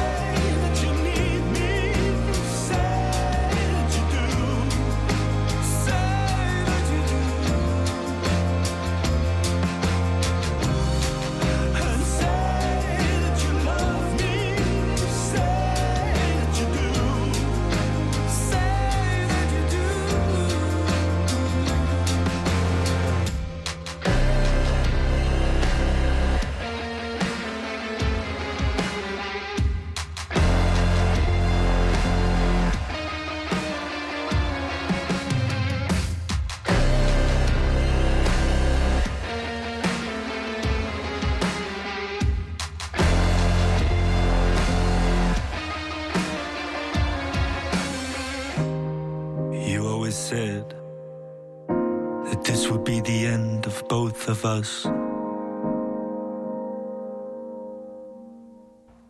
Her fik du altså Nar, som øh, hen over foråret har udgivet de to singler, som hedder The End of Us, den du lige fik her, og så den, der hedder Closer. Og nu er de altså klar med deres debut EP, He Told Me To Use The Left Side of My Brain More. Er der, øh, er der fart på jer, Nar? Ja. Det, øh, ja, det er der sgu. Altså, jeg tror, det er, øh, det er svært, øh, det vi også snakker om før, med vores navn, og det vi ligesom sådan øh, insisterer på, at, at være os selv, og gå op og sætte tingene op i studiet på samme måde hver eneste gang, og have den der connection, vi har til hinanden musikalsk. Så det, det er svært i det landskab, tror jeg, som vi er i. Altså, det er det, jeg tror, der er mange sådan upcoming musikere, der, der kan genkende det, at man skriver ud til, til alle de her vigtige folk, ikke? og man vil, gerne, man vil gerne høres, man vil gerne ses. Det er også det, hvor det er virkelig nice for os at være her. Øh, det er en fed platform. Øh, vi spiller en øh, release-koncert, som så på grund af corona desværre er et lukket event på næste fredag, hvor man også skriver alle de her mails ud til alle de her vigtige folk. Ikke? Så, så der, er, der er fart på os oven i vores hoveder. Altså, vi, vi er sindssygt produktive, og vi har fucking meget energi i røven, og vi vil gerne ud over og stepperne. apropos øh, release-koncert, så øh, kommer vi jo faktisk også til at høre jer spille live. Øh, det har vi slet ikke snakket om, øh, indtil jeg har været her. Men, øh, men der ligger en guitar over i sofaen herinde i studiet, og øh, den bliver altså hævet frem øh, lige om en 10-15 minutter, tror jeg. Så, øh, så bliver endelig hængende på, øh, fordi det bliver jo kæmpestort. Hvad hedder det? Hvor længe har det her projekt været undervejs? Fordi man kan sige, at 2020 er jo ikke det sådan mega optimale år at være, du ved, prøve at brase ud over musikbranchen. Altså, øh, som sagt, så startede vi jo tilbage i, øh, i 18 med at, med at skrive musik, og jeg tror, efter vi havde skrevet 5-6 numre, så, så, så kom en af mine venner med, med, med en idé om, at, øh, at i stedet for, at man, man skrev 5-6 samme sange, og så udgav det som en EP, at så skulle man skrive mange flere sange, og så finde ud af, ligesom, hvad der så skulle ske. Så vi besluttede os for at skrive 30 sange, før vi overhovedet gjorde noget som helst. Skud til Christoffer. Ja, skud til Christoffer. Så der ligger 30 sange. Det er bare, når der bliver sagt skud. Der ligger, der ligger, jamen, det, skal, jeg- det er fedt, jeg ved det nu, fordi så kommer der rigtig Jeg mange har flere. masser af der- hiphop-lyd herover, så du skal bare slå dig løs. Okay, jeg går lige i tænkeboks. Men der ligger simpelthen 30 nar-sange Altså, der ligger, færdige. meget, der ligger meget mere. Ja. Der ligger Men- meget mere. Okay, og så I, så I mødes i 2018, bruger, øh, eller mødes i 2018 og, og snakker sammen, hvorfor laver vi ikke musik? Mm. Bruger så to år på at lave plus 30 sange, Mm. og udvælger så fem, der kommer på den her EP, der udkommer i morgen. Hvordan vælger man de fem sange ud? Og hvorfor? Det synes jeg, altså, hvorfor vælger man kun... Altså, hvorfor udgive en EP, når man har fire albums liggende? Ja. Altså, jeg tror, Hvad fanden har vi gjort der? Jeg, jeg tror, jeg tror at, at det første, vi gjorde, var faktisk, at vi valgte en gruppe af mennesker, som vi sådan, øh, synes var søde, vores venner, eller det var, det var både musikere og, og ikke-musikere, og så sendte vi de der 30 sange til dem, og så spurgte vi, hvad er de fedeste 10 numre? Øh, og, øh, og ud fra det, så fik vi ligesom sådan, ligesom en, en sådan nogenlunde idé om, hvad, hvad var de fede sange. Øh, og jeg tror, to af dem er på EP'en af de fedeste. Så vi lyttede overhovedet ikke til, hvad der blev sagt. ja, ja. Nej, fordi hvad får man tilbage af feedback? Er der sådan grupperinger i de her mennesker? Altså er der, synes musikerne en ting, og ikke musikerne en ting? Synes mændene noget? Synes kvinderne noget? Hvordan var det der øh, sådan at, øh, at observere Statistisk svarene? analyse. Ja. ja. Altså, du lavede, du lavede sådan en fin uh, diagram og Excel-ark og sådan noget. Ja. Altså, vi, vi, jeg tror, eller Karl han mobber en lille smule Laura tit over, at hendes sangvalg var sådan ja. de mest fucked up. Sådan de, de der numre, som, hvor vi bare sådan, hvad, hvad snakker du om? altså, der ligger også meget, der sådan ikke er færdigproduceret, ja. som skal igennem en sangskrivningsmaskine og sådan nogle ting. Ikke? Mm. Men jeg ved sgu ikke, altså jeg tror, du ved, det, ja, vi har også lavet musik efter, vi besluttede, at de her fem numre skulle på den her EP. Og, vi, og ja. det er jo også derfor, jeg mener, at vi har krudt i røven. Altså, vi, vi glæder os sindssygt meget til at vise folk alt det, vi så har lavet efter. Men jeg tror for os, så blev vi nødt til, selvom vi er sådan, vi er jo ikke anti-branchen eller noget, men vi var stadigvæk sådan, måske skal folk lige have sådan en indgang til os. Så jeg tror, vi har valgt nogle numre, som sådan er, er øh, sådan lidt, måske lidt mere sådan indie-pop-rocket end noget af det andet, som godt kan, ikke fordi det er sådan fuldstændig ulydeligt at høre på, langt fra sådan alternativt, men, men øh, det er sådan lidt mere livet af landevejen. Sådan også som de ændrer var stærk, altså et trummebeat og så fremad og sådan sætte den på, når I kører hjem om aftenen, når det er mørkt på motorvejen. Det fandt vi ud af, spiller rigtig godt. Ja, det er lækkert. Ja. Det kan noget. Ja, så det er sådan... Hvad hedder det? Noget af det sværeste som øh, en ny musikgruppe, øh, også når man øh, går så en kun er to folk, det er jo ligesom at udvikle en lyd, som er os, altså som er jæring. Du ved det der med, og, og, og lige pludselig, man kan sagtens skrive 30 sange, og så stadig ikke have en lyd. Øhm, er I tættere på der, hvor I ligesom ved, hvordan nar lyder, øh, fordi I har skrevet så meget inden den første EP her? Øh, så det hele er en udvikling, synes jeg. Øh, det der med at ramme en lyd og være noget, og være nogen, eller være et bestemt ting, det, det, det flytter sig hele tiden øh, for os begge to, tror jeg. Ja, vi tænker egentlig ikke så meget over det. Nej. Faktisk. Eller snakker om det for den sags skyld. Det, der er vigtigt for os, det er det, der sker, i, i, når, vi, når vi laver musikken. Altså, det, at det, det er der, hvor at, at der, der sker et eller andet, som, som gør, at, at det bliver fedt. Og det tænker vi sgu ikke. Så, jeg synes ikke, at vi tænker så meget over, Jamen, så skal vi gøre sådan her, fordi så er det nar. Ja, og så, så skal det også siges, at vi skrev jo 30 sange, hvor det så var den måde, det der med netop at komme op i... Altså, det er sådan lidt en religion for os, det der med at komme op og sætte op på den måde. ja. På den samme måde hver gang, og så ligesom gå i gang, ikke? Øh, men da vi så fik et bane på efter de 30 sange, så er der også sket noget. Og det kan vi også mærke, når vi så går i studiet igen, mig og Karl. At der er sket noget ved at få de her syv mennesker ind over og gå ind i øveren. Altså det er sådan... Jeg har sgu aldrig været i bane før. Karl har lidt mere erfaring, øh, som det rockhoved han er, at spille i øvelokaler. Men for mig var det første gang faktisk at gå ind. Så der er også sket noget med mig og min sangskrivning og min tekstskrivning, eller hvad man siger. Hvad er din efter baggrund, hvis du ikke har været i bands? Øhm, jeg har bare jeg startede egentlig på efterskolen med at spille guitar. Den helt klassiske. Og så tror jeg bare, det faldt mig naturligt ind, det der med også at skrive tekster. Så jeg blev ret hurtigt sådan sanger og sangskriver. Øhm, og så har jeg prøvet, altså dem, der måske lytter derude, som har fulgt med fra start af, altså jeg har kæft, har jeg lavet meget lort. altså virkelig. Det har alle jo. Altså. Altså. Ja, jamen, det er det, du ved, men jeg har altid været sådan meget målret over, hvad det fanden det var, jeg vidste. Så det har helt klart været det der med at møde Karl, og sådan, at han giver mig lov til at gå op til den fucking mikrofon og lægge de der ting og gøre det på den der måde. Det har været en kæmpe altså, oplevelse. Det er sådan, han forstår mig. Åh, oh, det er dejligt. og, øh, og sammen, der er I jo nar, og på jeres Spotify, der er I beskrevet, jeg ved ikke, om det er jeg selv, der har skrevet det, det er det nok, når du øh, erklærer din kærlighed til Jordan P. Peterson. Ui. Men øh, det er Canaries in a Coal Mine, og det må I lige øh, sådan forklare, altså fordi det her med at kanariefuglene i de her kulminer er jo noget med, at de dør før, så man ligesom bliver øh, advaret, om der er noget øh, fare på færre i forhold til noget ilt. Ja. Er det sådan noget med, at I føler, at I går forrest, og så er der nogle mennesker bag jer, eller hvad er sådan øh, billede, det billedlige i det? Ja, det lyder måske også som om, at vi er sådan lidt... Øh, ja, vi tror, vi bærer fakling, eller sådan, så, så arrogant er vi slet ikke. Men, øh, men det er sådan, ja, jeg ved sgu ikke, jeg tror, det, det, ja, det, har noget, det ligger lidt op af det navn der, ikke? Det har noget at gøre med, at vi insisterer, tror jeg. Vi insisterer på at gøre det på vores måde. Og det har ikke- slet ikke noget at gøre med, at vi ikke lytter til, hvad andre siger, hvad folk har holdninger. Vi lytter rigtig meget til vores venner og til musikere eller whatever, der har noget at sige. Øhm, så det, det er ikke noget med, at vi, vi tror, føler, at vi bærer fakling, men vi insisterer ligesom på, at, at vi skal, at vi skal gøre det på vores måde. Og så er det noget, så det, det, måske hvis bare lige for at komme ind på det der Canary in the Coal Mine, så er det noget at gøre med, at hvis ikke man kan få lov til det, så er det et usundt kongerige. Det er, sådan lidt, det er lidt der, den ligger. Altså, vi lever i en verden, hvor at komikere eller kunstnere eller øh, ikke, ikke kan få lov at sige ting eller gøre ting, så, så skal man ud af den mine der. Så det er altså tilbage til den der nar-analogi. Ja, lige præcis. Ikke? Så er det et usundt kongerige. Altså i forhold til, at ordet skal være frit. Ja, faktisk. Ja. Okay. Ja. Og man kan sige, med til at hjælpe den her fakkel, der, øh, vi snakkede lidt om det her med, at I så jer lidt som sådan et gorillas-projekt, men blev droppet, I får alle de her features, for I fandt en ting. Men I får jo lidt hjælp, og øh, det er jo fra dig, Laura, Ja. som vi har med i studiet også. Og øh, du er jo med på det nummer, som hedder Out of Space. Ja. Og du er måske også med på flere numre, men du er særligt markant med på det her, hvor at, øh, du nærmest har omkvædet bærende. Øh, hvis du måske skal beskrives af dine to medbands, hvem er det så, Laura er, og hvorfor er det lige præcis hende?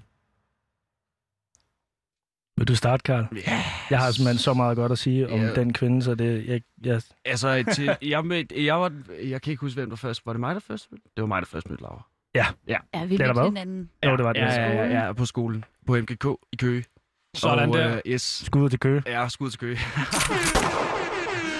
øh, og øh, altså, jeg tror, at mig og Laura var, at vi, vi snakkede sammen rimelig hurtigt, og vi faldt, blev rigtig gode venner til at starte med. Og så, øh, så hørte jeg hende synge, og så var jeg sådan, okay. Wow. Hold da op. Du synger virkelig, virkelig godt.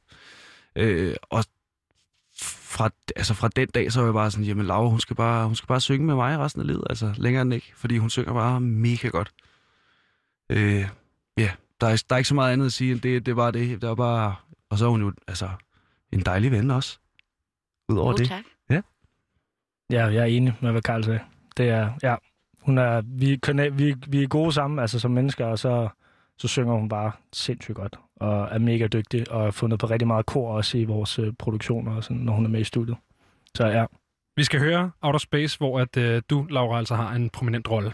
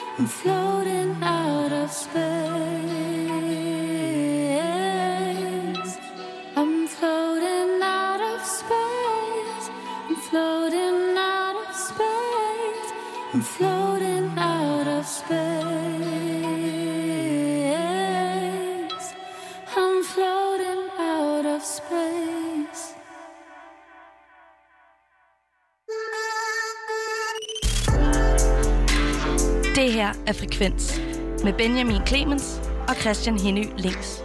Programmet, hvor vi lader musikken tale.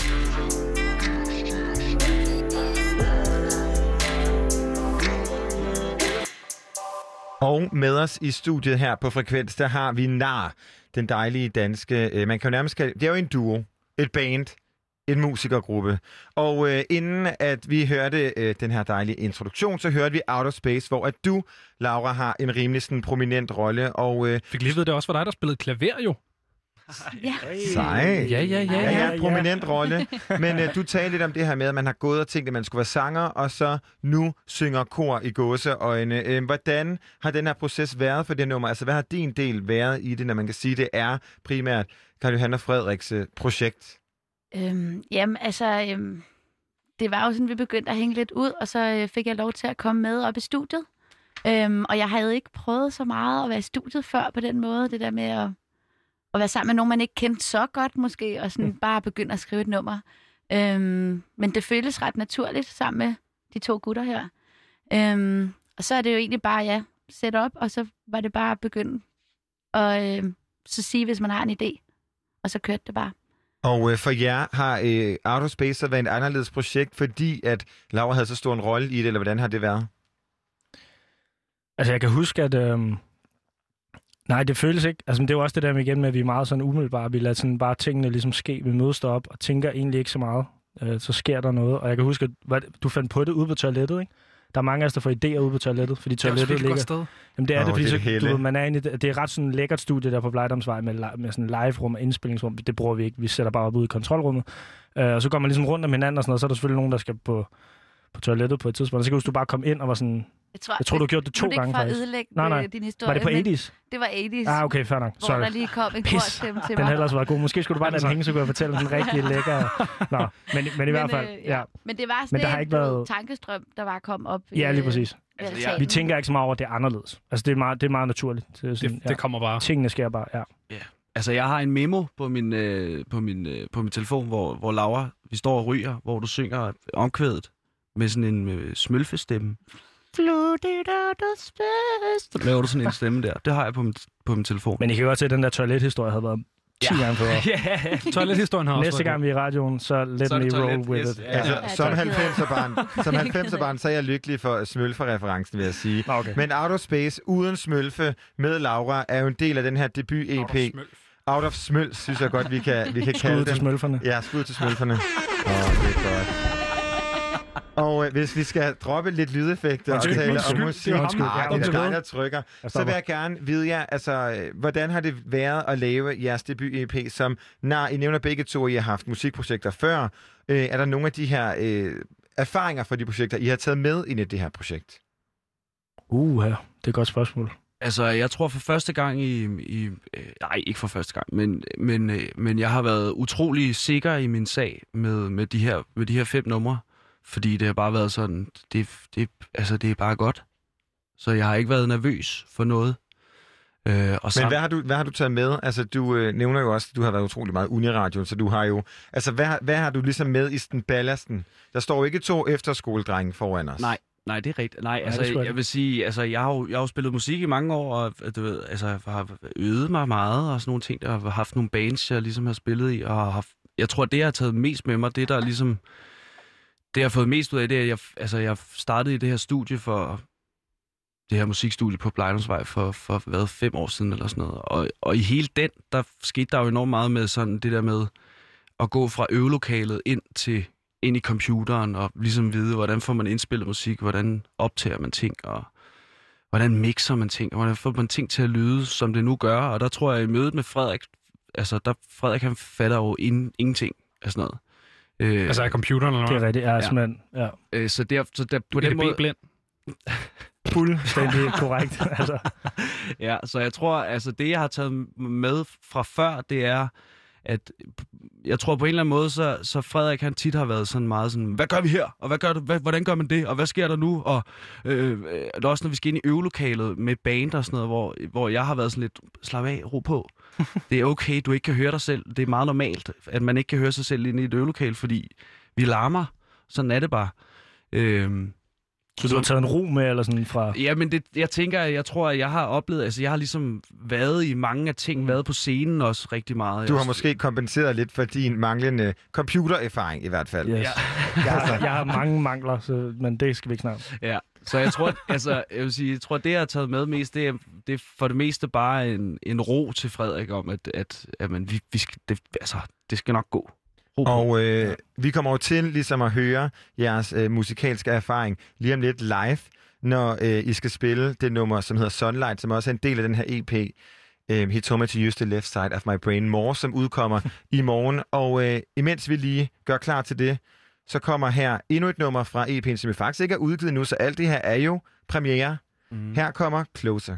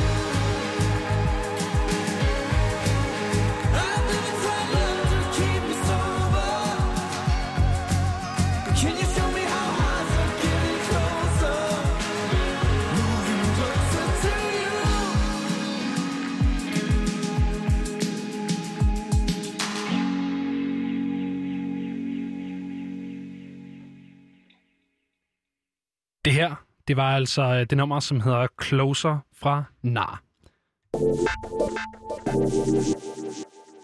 Og nu har vi altså glæden af at kunne byde øh, Nar og deres øh, meget fine Martin-gitar velkommen her i studiet. Her kommer en live-version i din radio af det nummer, der hedder Sunlight.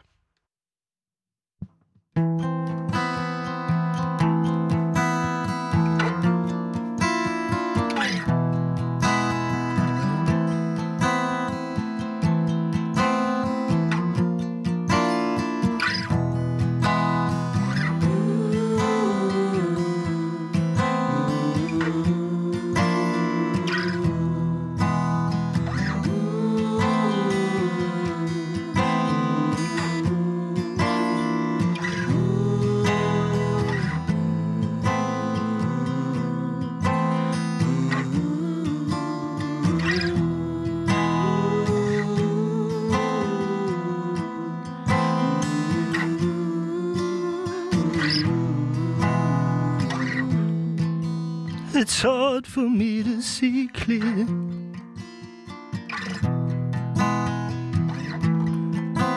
It's hard for me to handle my fear of losing you. It's hard for me to be there when I know I cannot be there for you. Losing you is hard to do. Swim against the sunlight.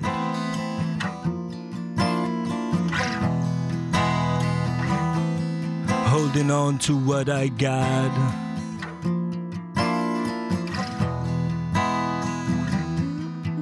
And I'm sorry that I left you.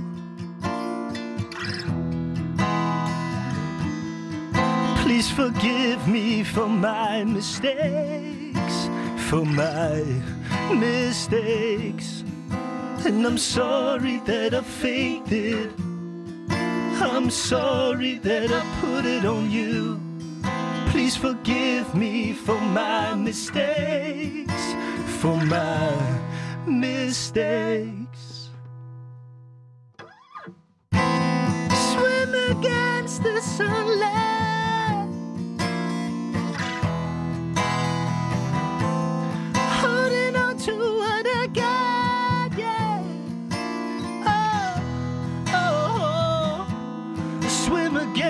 Sunlight, yeah.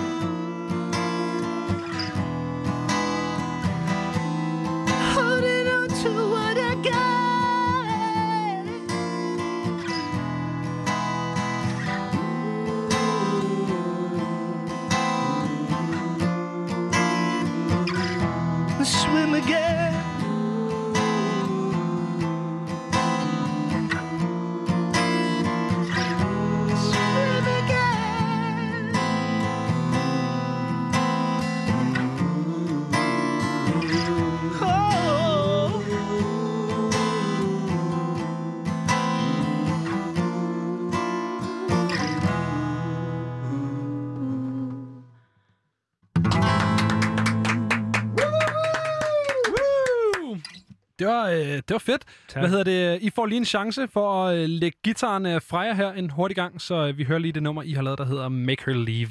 You.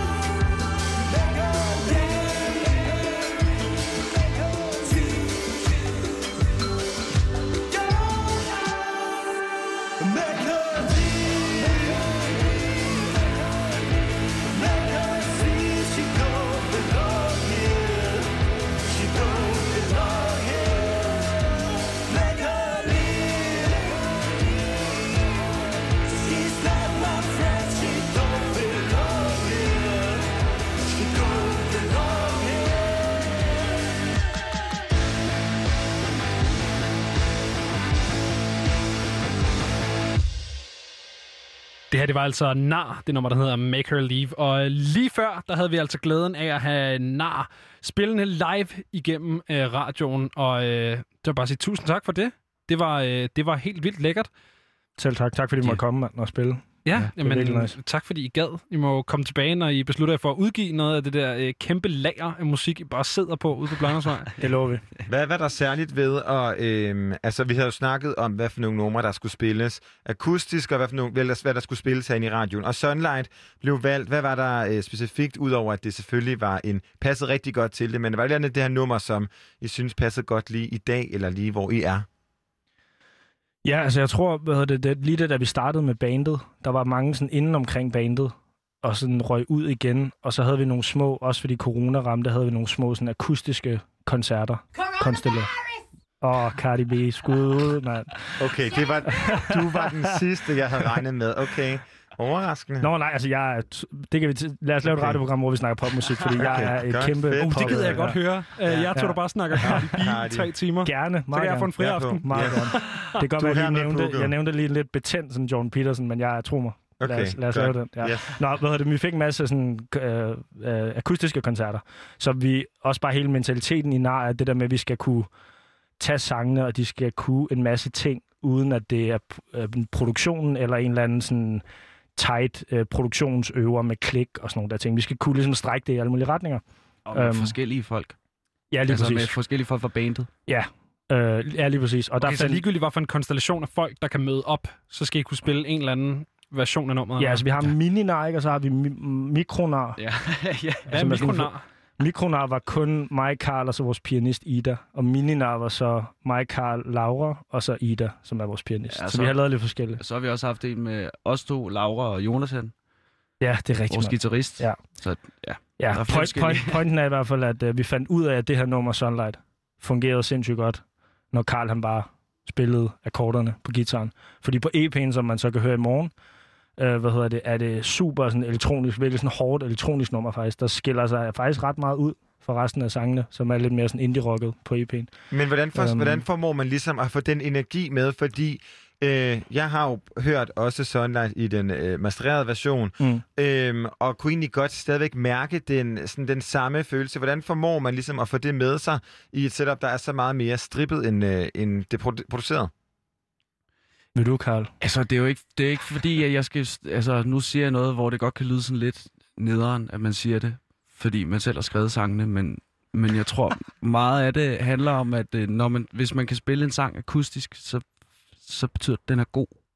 Altså, så Det er jeg god tror, sangskrivning. Ja, jeg tror, nå, men, det, nå, men det er ikke for at være en idiot eller noget, men jeg tror, at det, altså, det er noget af det, vi har, mig og, mig og Frederik har fundet ud af. Det er bare, altså, der, er- der er rigtig mange af vores sange, hvor, vi, hvor jeg kan bare kan hive gitaren, eller sidde på klaveret, eller hvad det nu er, og så, så lyder det bare stadig godt. Jeg det er tænker, stadig... vi at Boden Anna vil fungere den konstellation, eller hvor er, hvor er den henne? Jeg tror måske, altså Skal al, al det? respekt til det nummer, men jeg tror måske også, at det er sådan...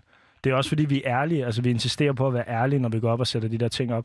Og, når, og det er jo heller ikke alle numre, der nødvendigvis fungerer med en guitar, men det er sådan, vi er ærlige, og så fungerer tingene sådan på bundlinjen. Vi insisterer på at være os selv, og, og være ærlige og sige de ting, vi har lyst til. Og skrive det på den måde, vi har lyst til. Ikke? Jeg tror, det er det, der... Ja. Hvad hedder det? Nu fik vi jo øh, dels lige en, øh, en lækker live akustisk version af Sunlight, men vi hørte jo også efterfølgende, så I lige havde tid til at lægge gitaren og sådan noget, så hørte vi øh, Make Her Leave. For det første, øh, den titel, er det sådan en, sådan en sådan bøvet ordspil på Make Her Come, eller hvor vi henne der? Det har jeg sgu sådan jeg aldrig set på det. Jeg, jeg ved det faktisk ikke. Det mest grineren var faktisk, da jeg stillede mig op til mikrofonen og sang det i studiet. Det kan jeg nemlig huske, fordi der kom min... Det var sådan lidt nyt på det tidspunkt med min nuværende kæreste. Ja. Hun kom gående ind ad døren til studiet, øh, øh, mens jeg stod og sang det der. Make her leave, make her see she don't belong here. She don't belong here. Ja, det var fucking griner. Hvordan reagerer hun på det? Øh, jamen altså, vi er stadig sammen i dag jo, så det er Okay. sådan... Det er jo gået super Ja, jeg tror, det, jeg tror hun, var, hun fandt ud af tidligt, at man skulle lige tage mig. Der, der kommer nogle ting med, ikke? Altså. Sådan er det. Ja, ja, sådan der. er Det er en pakkeløsning. Ja, lige præcis. Men øh, jeg, jeg bed også mærke i et øh, sådan, sådan stykke i outroen, hvor vi også lige stod og, øh, og sådan udvekslede nogle sådan, åh, hvad, sejt-agtige ansigter, fordi at jeg er jo rigtig meget et barn af hiphoppen, men jeg er også rigtig meget et barn af punkmusikken. Ja, og der var noget sådan lidt, øh, lidt punksmadder i det der riff til sidst. Er det en, en lyd, I også leger med, eller er det bare det der med at skulle være så skide alsidig, som I jo er? Altså, Karl, du er kæmpe rockhoved. Ja. Ikke? Jeg tror, det, altså, det, jeg kan i hvert fald huske, at altså, sådan noget af det sådan langt, måske efter et år, vi havde skrevet musik sammen, så jeg prøvede ligesom sådan stille og roligt at glide den der rock, rock-ting ind under Frederik, fordi jeg vidste godt, at han ikke var rock, men det, vil- det vil jeg jo gerne. Det vil jeg gerne hen. Øh, og, Når du siger rock, hvad mener du? Altså, Jeg er lidt rock, hvad Ja, ja, det, det er rigtigt nok. Og- Altså, det, selvfølgelig, det er slet ikke det, ja. men, men, øh, men jeg er mere rock. Ja, tak. Det er også ligegyldigt. Men i hvert fald... Så kom Jordan B. Peterson ind i rummet igen, ikke? Øh, Det er det næste radioprogram, vi Ja. laver med popmusik. Eller Og, sådan, og der, altså, jeg tror bare, at, at det er sådan... Øh, det skal der bare med i mit musik. Altså, der fordi, bare være noget Ja, også fordi at det, at meget af det, der ligger i rock for mig i hvert fald, det er den der energi, når man står live og spiller det. At der kan det sgu, der river det bare det rigtige sted. Altså, det er virkelig, det er virkelig lækkert at spille. Og øh, den energi og de numre, som vi har spillet, de fem numre, kommer ud på den her EP i morgen, der hedder He Told Me To Use The Left Side of My Brain More. Hvem er det, der har sagt det til jer, og hvem er det sagt til? Altså titlen, tænker Ja. du? Øhm, det er en sætning fra Outer Space, den som I også har spillet, øh, hvor jeg i andet vers øh, synger den sætning. Øh, så det, det tog vi egentlig bare derfra. Og nu, det, det er virkelig fedt, hvis jeg står og fucker det her op på, på live radio, men der er de der to halv... Jeg er en idiot, så jeg, nu kommer jeg til at sige en masse forkerte ord, men der er de her to forskellige i hjernen, venstre og højre og sådan noget der. Ja. ja. og Og højre, er højre, den logiske, eller hvad? nej, det tror jeg faktisk nemlig er venstre. Jeg tror højre er den der kreativitet, og de, det kan I slå op på Google. Det tror jeg er venstre. Okay. Jordan B. Peterson er ja. tilbage. Læs, øh, gå ind og søg på Jordan B. Peterson, og så finder I svar. Lad være med at læse hans bog. Men google, hvilken side af hjernen det har været. Men det er, hvert fald er- det, det er i hvert fald det, sætning handler om. Det er Ja, den der, yes. Det er, Ja. ja. og det er, jo, det er jo den gode gamle. Vi er nået til, til et punkt i aftens radioprogram, hvor vi desværre er nødt til at sige farvel til jer, men det har været en udsøgt fornøjelse Og jer måde. lige måde. Og øh, det har været en udsøgt fornøjelse at få lov til at høre jer spille live. Det var, det var simpelthen dejligt, at I gad det. Mm. I mellemtiden, mens vi har øh, stået og hygget herinde i studiet med nar, så er altså klokken gået hen og, øh, og blevet 8, og det er tid til nyhederne her på Radio Loud.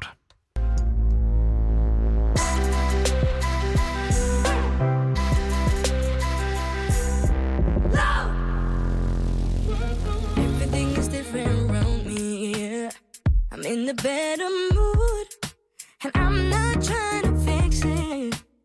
I'm not trying to fix it. I always knew that I had it in me. It's a whole nother kind of good, and I don't wanna fix it. I don't want to waste it. Held my head a bit too long. Number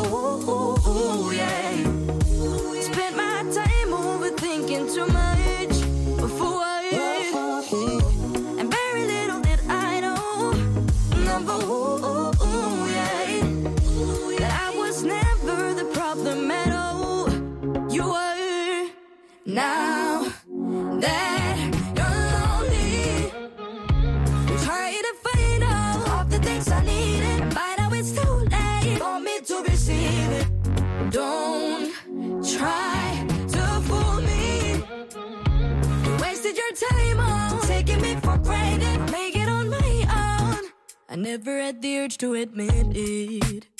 I'm better without you. And I'm not trying to fix it. I'm happy about it. I always knew that something was missing and questioning how I get back to the world without commitments.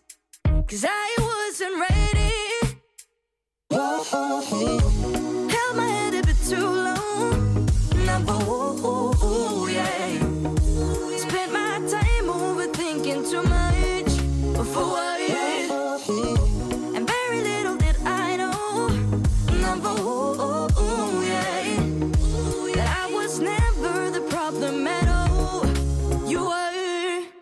now that you're lonely.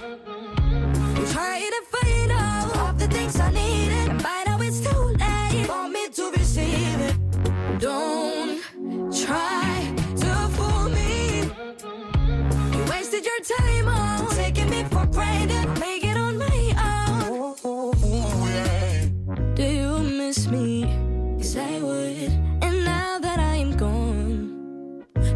Telling me that you do. It's sad for you, I'm gone. And I know that you, you do miss me. I get you,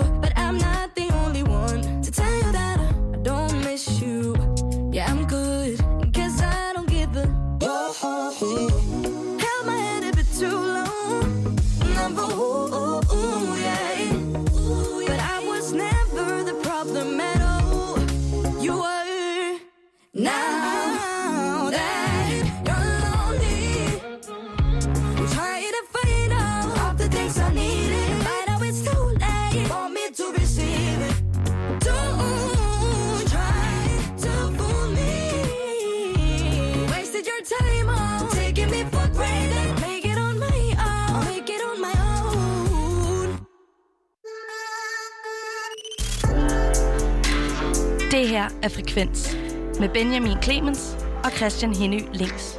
Programmet, hvor vi lader musikken tale.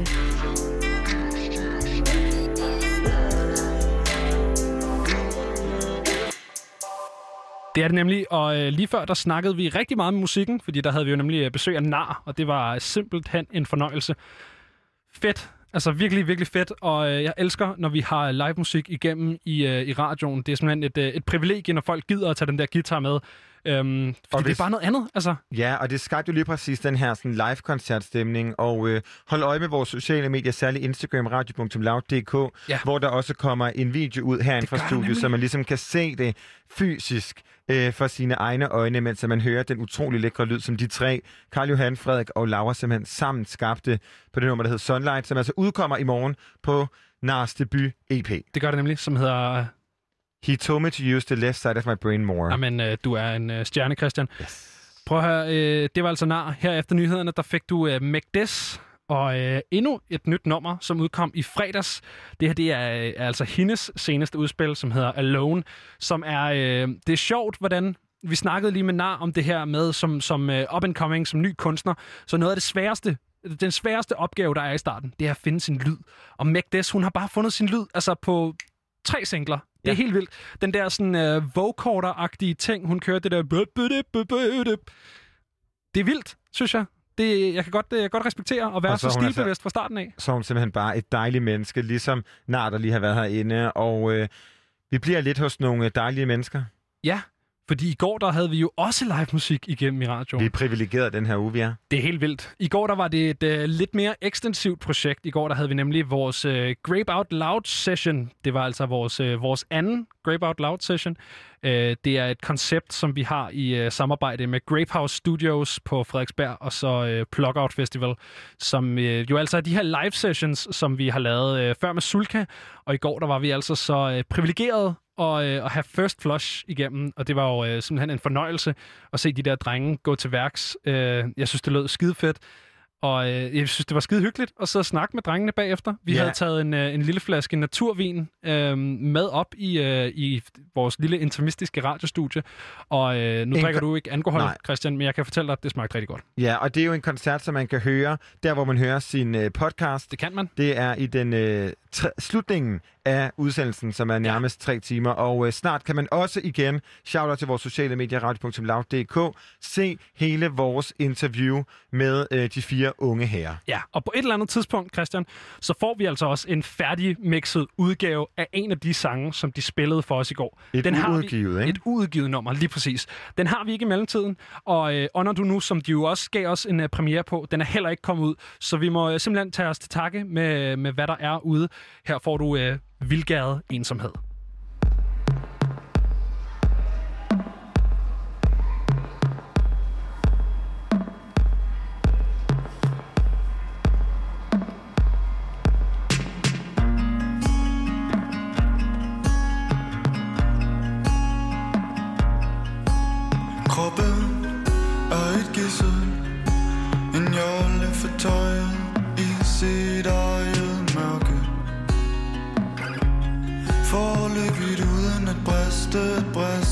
Briste, at briste,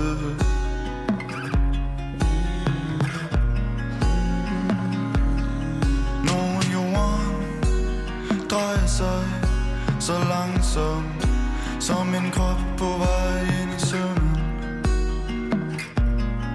Husker huden, husker huden, husker huden, husker huden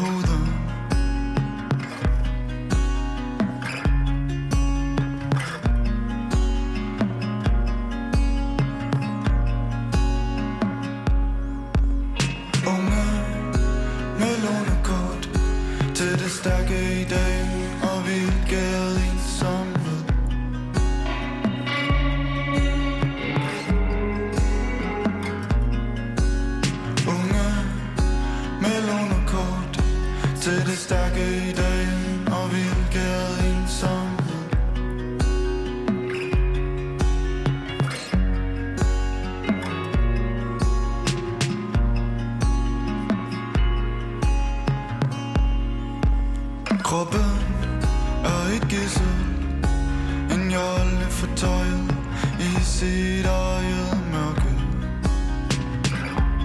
Forløbigt uden at briste, at briste, at briste, at briste.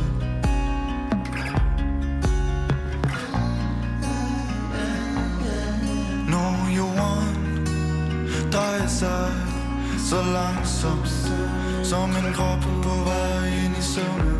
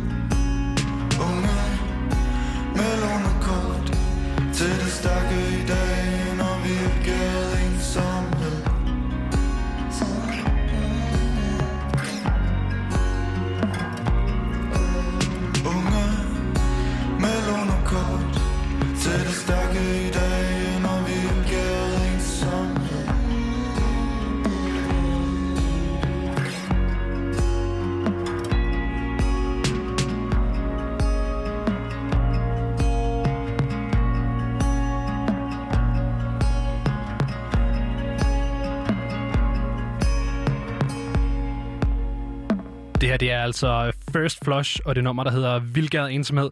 Du kan finde vores Scrape Out Loud session med First Flush, der hvor du finder dine podcasts. Det er altså Frekvens podcastet fra den 26. august.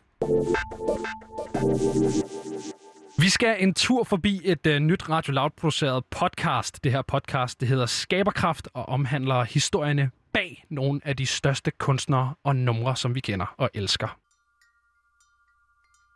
Du lytter til Skaberkraft. En musikpodcast sponsoreret af musikforlæggerne og Koda Kultur. Jeg hedder Mathias Hunebøl, og jeg synes egentlig bare, at du skal sætte dig godt til rette, for nu starter der en fed lydrejse.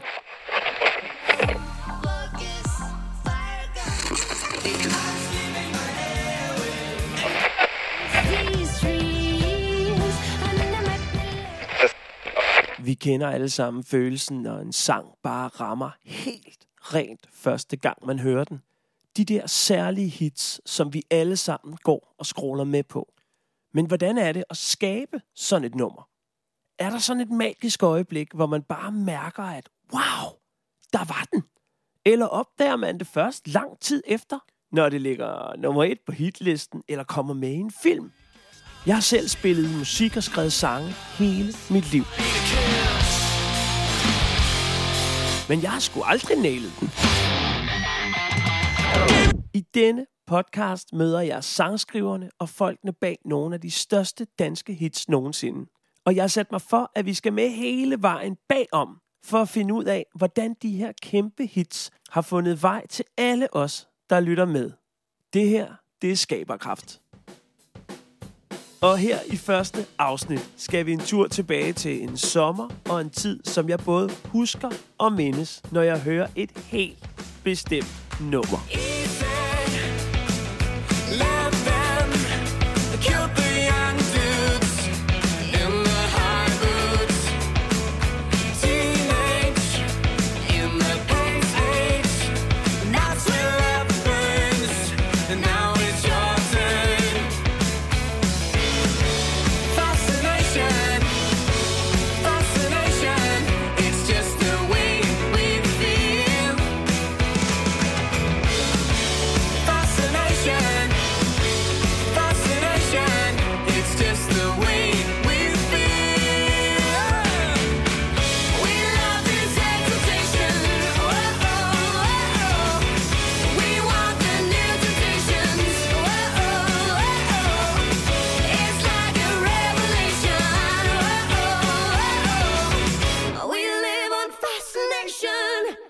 Og for at det ikke skal være løgn, så har jeg faktisk også et lille privat hængeparti med dagens hovedpersoner. For jeg skylder dem faktisk en undskyldning. Og den får de i form af en flaske vin fra 2005. Et helt særligt år, hvor en jysk teenage-dreng kom til at skrive en sang, som han nok aldrig kommer til at overgå igen. Ja, ja. Bønlykke. Jeg er nemlig taget til Valby for at mødes med Anders og Anders fra Alphabet. Hallo. Hej. Hej, kom ind. Fedt, mand. Fascination. Fascination. Jeg har taget noget med. Nu skal I se. Ja. Yes. Fordi jeg, jeg tænkte, at nu er vi jo blevet voksne mænd. Ikke også? Og det sjove er, at sidste gang, jeg kan huske, at jeg mødte jer begge to sammen, det var i I havde spillet i Odense. Yes. Og jeg havde snydt Det var på Café, Café Kreds. Det var på Café Ja, jeg kan sagtens huske det. Hvor der var backstage i kælderen. Og jeg var jo med i Odenses værste rockband dengang. Og følte jo, jeg ejede hele verden. Så der kom vi ned og stjal jeres brud, tror jeg. Ah, der var fart på jer. Ja, der var fart på os. Ja. Og nu tænker jeg, så vil jeg godt lige råde båd. Ja. Så Ja. jeg har faktisk været i en, i en rigtig vinhandel øh, ude i Charlottenlund i dag. Hold da. Og så har jeg købt en øh, Bordeaux fra 2005. Den dyreste flaske vin, jeg nogensinde har købt. What? Og ham manden i butikken, da jeg sagde 2005, ved I, hvad han så sagde? Det er fandme et stjerneår, sagde han så. Sagde han det? Ja. Skal vi ikke lige finde nogle glas og lige få lidt i? Fordi jeg tror også, samtalen Spændende. bliver bedre. Ja. Må jeg åbne? Ja, bare åbne. Ja, ja. Og mens vi lige skænker vinen, så kan jeg jo lige fortælle, hvem det egentlig er, jeg sidder og snakker med i dag. Alphabet er jo et øh, dansk poporkester, som oprindeligt blev dannet i Silkeborg i Jylland. alfabet består af Stine, der synger, Troels, der spiller trommer, Rasmus, der spiller keyboard, og så tre gange Anders, en sanger, en guitarist og en bassist. Og det er altså Anders Bønne, gitarristen og bandets hovedsangskriver, jeg snakker med i dag, sammen med Anders S.G., der synger leadvokal, og som også er et af bandets hovedsangskrivere. Så er det på plads. Fascination. Fascination. It's Nej, det dufter godt. Det gør det altså. Hold da kæft. Altså, der er jo bands, der bruger en hel karriere på at jagte det der sådan signaturtracket. Den der sang, som, som bliver til noget større end bare endnu en af sangene i ens repertoire. Og man kan jo på en eller anden måde godt sige, at I startede næsten med sådan et nummer. Det er meget rigtigt. Når du hører Fascination i dag, Anders Bønløkke, som jo er dig, der har skrevet den, hvad siger den så til dig? Jamen, i dag er jeg sgu enormt stolt over det nummer. Både fordi det, det er lyden af den tid, ikke? Altså i mit liv og i bandets liv og i, i det hele taget, ikke? Og så synes jeg, øh, der er virkelig en nerve i det, ikke? Du sendte mig jo nogle af, af af de enkelte tracks, og så hørte jeg bare øh, de to leadvokaler sammen. easy. Let Jeg havde kuldegysninger over hele kroppen. Ja. dudes in the high boots. Teenage in the pace age. And that's when love burns. And now it's your turn. Vi kender jo alle sammen det, at vi har sange, der knytter sig til vores hukommelse. Altså, jeg kan huske den sommer, hvor jeg gik og hørte Mom and Love, Daddy in Space med Kashmir for eksempel. Og jeg kan sgu også huske den sommer med Fascination, fordi det var jo sommerens sang, og den endte jo med at være sommerens sang af flere omgange. Hvad tænker du selv som sangskriver i dag, når du, når du ser den? Hvad er det for en størrelse af et nummer? Giver det mening, at det blev det store hit, det blev? Ja, det synes jeg faktisk. Øh, jeg kan godt få den der feeling af, okay, er det, er det, er det mig, der har lavet det her? For det er egentlig nogle ret crazy ting, sådan, hvorfor, det, hvorfor det fungerer. Prøv lige at sætte scenen. Altså, hvor gammel er du? Hvor i, hvor i verden er du? Hvor sidder du henne, når du skriver dine sange på det her tidspunkt? Altså, jeg flyttede hjemmefra, sådan øh, en kilometer eller sådan noget hjemmefra, op på gågaden i downtown Åh, Silkeborg, ja. ikke? Åh, og din mor, hun var nervøs. Yes. Åh, nej, nu er han oppe ved værtshuset. Ja, ja, præcis. Jeg havde en spansk guitar, som jeg havde fået, øh, da jeg blev konfirmeret. Sådan en helt ballade. Og så havde jeg sådan et mærkeligt øh, keyboard, som jeg har købt på den blå avis, for jeg synes, det så sejt ud eller sådan noget. Det var, sådan, og det, det var, jo det var til ingenting. Altså, det er den, vi har her. Og, min tilgang til det på det tidspunkt var virkelig, altså kopiere. Altså det der nummer med David Bowie, der hedder Modern Love, der var øh, noget, noget med rytmen i det, og den måde, akkorderne skiftede på, som jeg tænkte, det vil jeg lave. Og så lavede jeg ligesom verset. Øh, Yes. Så tænkte jeg, det er mega, det er mega fedt. Og, og så tekst i hvert fald, er sådan noget, jeg tror, der har opstået ret meget undervejs. Altså sådan, og, der, og det var jo meget sådan med ord, der lød godt. Altså, Prøv at høre, der står et klaver derinde. Skal vi ikke lige hoppe ind, og så køre os igennem sangen? Skal vi ikke gøre det? Gerne. Ja, og vi kan jo lige fortælle her, at vi har jo faktisk har, hvor mange børn, hvor mange børn har vi sovet over? Yes. Tre stykker. Så det kan være, at podcasten slutter her. Ja, vi ser, hvad der sker. Altså det der værste er, ikke? Det var ligesom det, der startede, ikke? Det er det, det, er det der skift, der siger...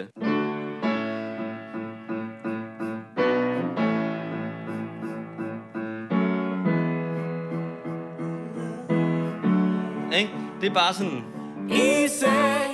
Nå, men så kommer der sådan et stykke her, som er broen, ikke? Stadigvæk den samme måde, den skifter, altså den skifter i samme tid, ikke? Sådan siger... Så synger man så ikke med akkorderne længere, men nu synger man i hullerne, ikke? Og så... It's just the way we feel. Det er sådan lidt, lidt uh, Pointer Sisters, ikke? Den Ja, der det sådan... er- Uh, ja. I'm so excited. Bam. Så lander vi faktisk på den samme akkord, som man skal ind på i omkvædet, hvilket normalt ikke er så fedt i virkeligheden. Men så siger man bare lige... Bam, bam, bam, bam. We love this exultation. Oh, oh, oh, oh. Nå, men det er jo så omkvædet, der, ikke, der kører der, og det kører der ud af, og wow, wow, wow, det er jo også sådan meget... Øhm, altså på den ene side irriterende, men også sådan meget... Jeg vil sige, du lægger mærke til det, ikke? Insisterende. Ja, insisterende. Ja. Og så for at det ikke skal være løgn, så er der også lige et C-stykke, som er der, hvor, der, hvor det bliver, hvad hedder det? Long- øh, long symfoni, still standing, ikke? Fordi så siger den...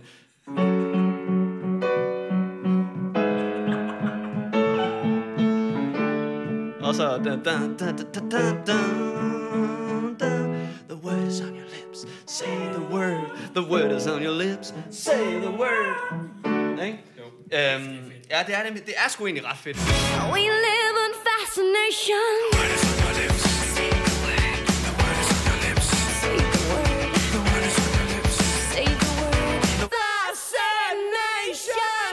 I dag, der kan man jo bare lige nynne noget ind i sin uh, iPhone.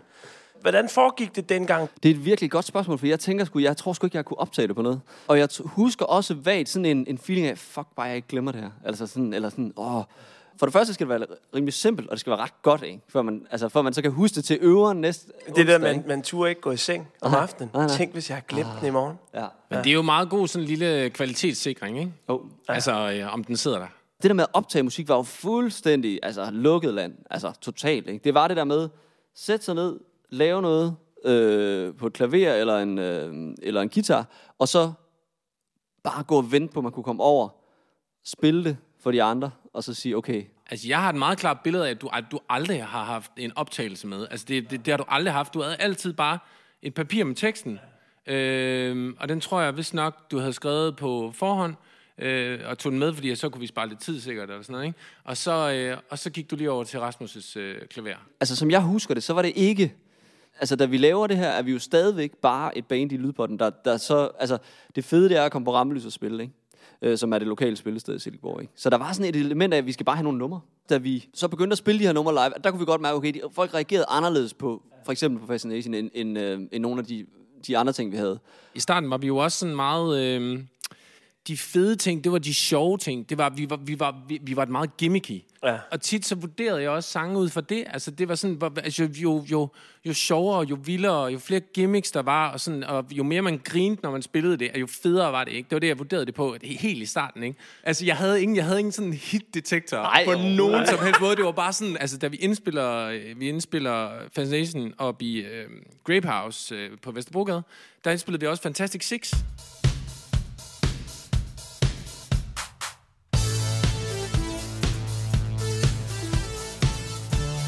Der har jeg egentlig meget mere optur over øh, Fantastic Six, øh, fordi den fjollede, det er sådan et heltemusik, ikke?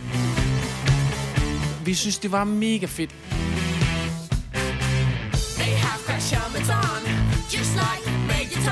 For os, der var der virkelig kommet god stemning i studiet. Det var da vi lavede det C-stykke, hvor det var sådan lidt uh, Ghostbusters-agtigt, ikke? Det var der, hvor vi var sådan, okay, der nailede vi den kraftede. Ja, der var Hvor den. det bare sådan,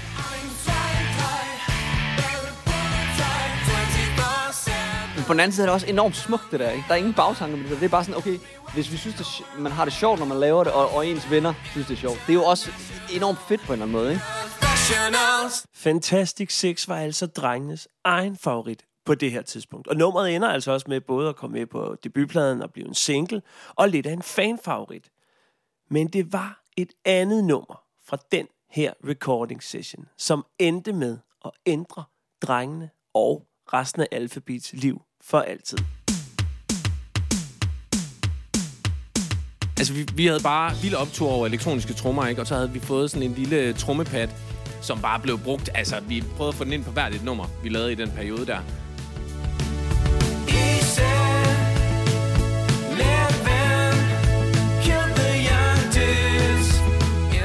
Det er jo virkelig et godt eksempel på, hvor meget produktionen kan gøre, fordi at, at sangen er der jo.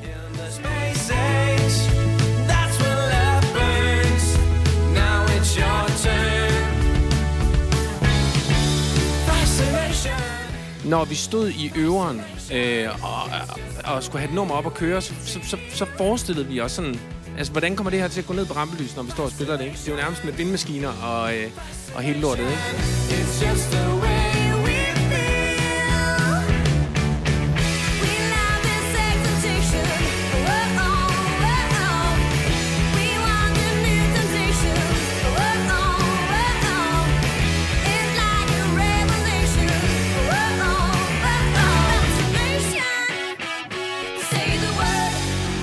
Hvis vi lige skal runde teksten af, altså titlen Fascination, var det sådan et ord, du havde tænkt, det skulle meget fedt at synge på, eller... Ja, altså i virkeligheden er titlen jo også, der er også, David Bowie har også lavet et nummer, der hedder Fascination, så der er noget der. Der er, noget, der er mange fede numre, der hedder Fascination faktisk. Der er et fedt Human League-nummer, som vi også var vilde med. Det var det der Superheroes Human League. Øh, men Fascination, det lød jo også bare skide godt. Altså der i brug, når man siger... Dun, dun, dun, dun, dun, dun, Ja, ikke? vokalerne er næsten blæser, der svarer den, ikke Ja, også? det er faktisk rigtigt. Ja. Altså hele teksten er lydord, ikke? som jeg bare synes har, har lyttet fedt. Og øhm, altså det ser også fedt ud, øh, Fascination. Det er sådan... Altså, det står, det står bare altid lidt i neon, ikke? Ja. Jo, jo, lige præcis. Det gør det, det, gør det i hvert fald i mine øjne. Ja. Nu har vi altså fået skrevet vores hit. Og Alphabet, som på det her tidspunkt hed Sodastar, har fået indspillet en fed demoversion af nummeret. Men for at forstå den rejse, som det her nummer skal ud på, før det ender som det globale hit, vi alle sammen kender, så skal vi lige have en mand til mikrofonen, der hedder Jakob Sørensen.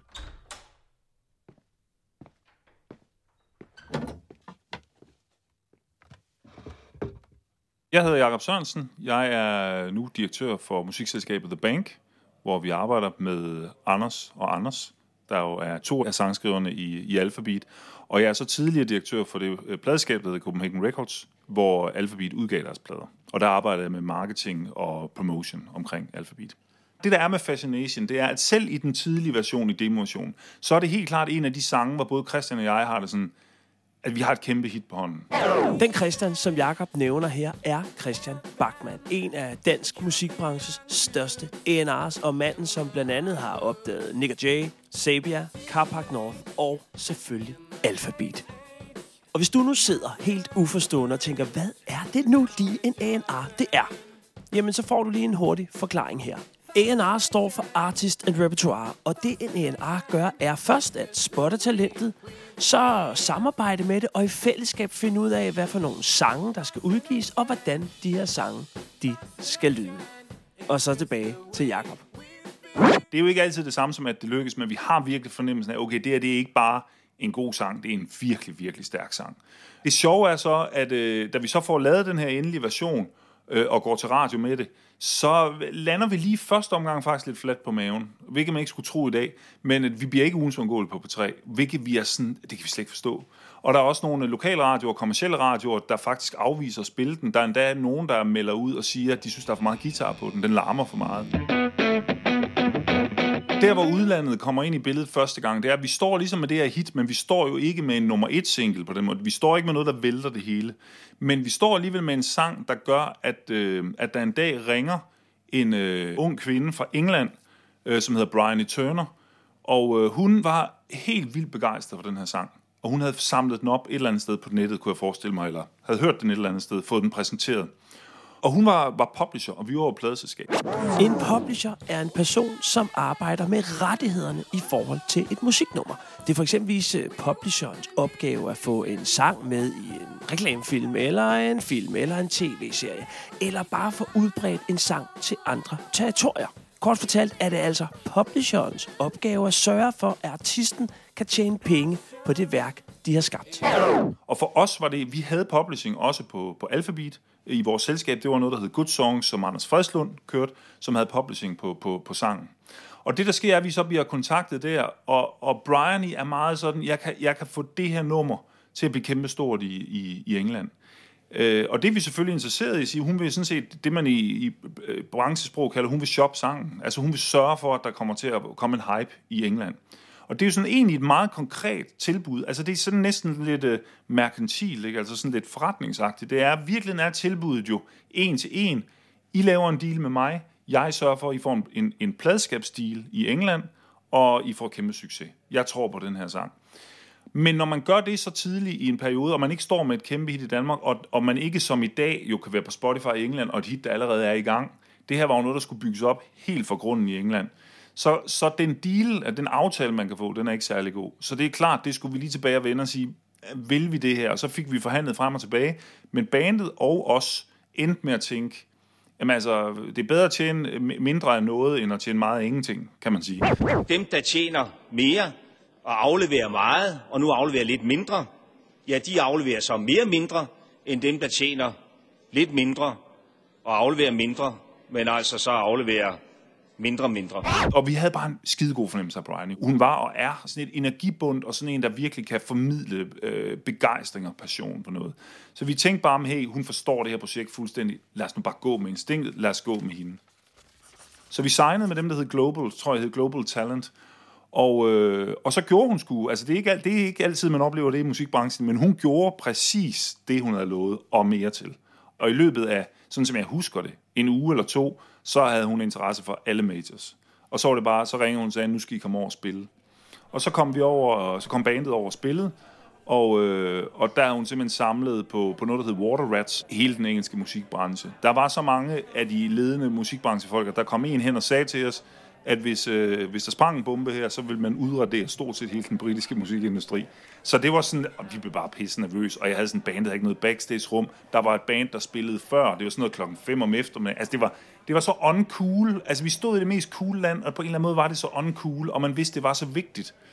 Men det er jo sådan den der syretest, jeg har i England. Hvis ikke du kan det der, så er du ikke god nok. Og jeg var ved at dø af og jeg tænkte, de, de, de, kommer ikke til at klare det der. Og så gik de i gang, jeg tror, de startede med 10.000 Nights of Thunder, det kan jeg ikke lige huske, men det tror jeg. Not looking for love.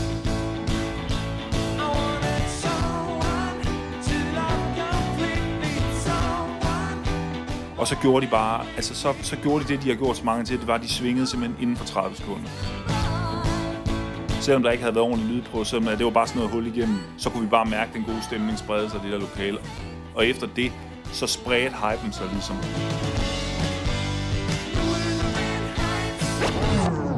Noget af det, der så sker, når man har et hit som, øh, som Fascination, ikke bare dengang, men også i dag, det er jo, at man kan få synk-placeringer. Det vil sige, mulighederne for at blive place- få placeret en sang på film og på reklamer og sådan noget øges væsentligt, når du har et kæmpe hit. Og det var jo noget af det, der begyndte så at blive, blive øh, hvad skal man sige, udforsket med, med, med Fascination. Og sådan som jeg husker, det var der nogle enkelte filmplaceringer, der var også nogle små reklamer.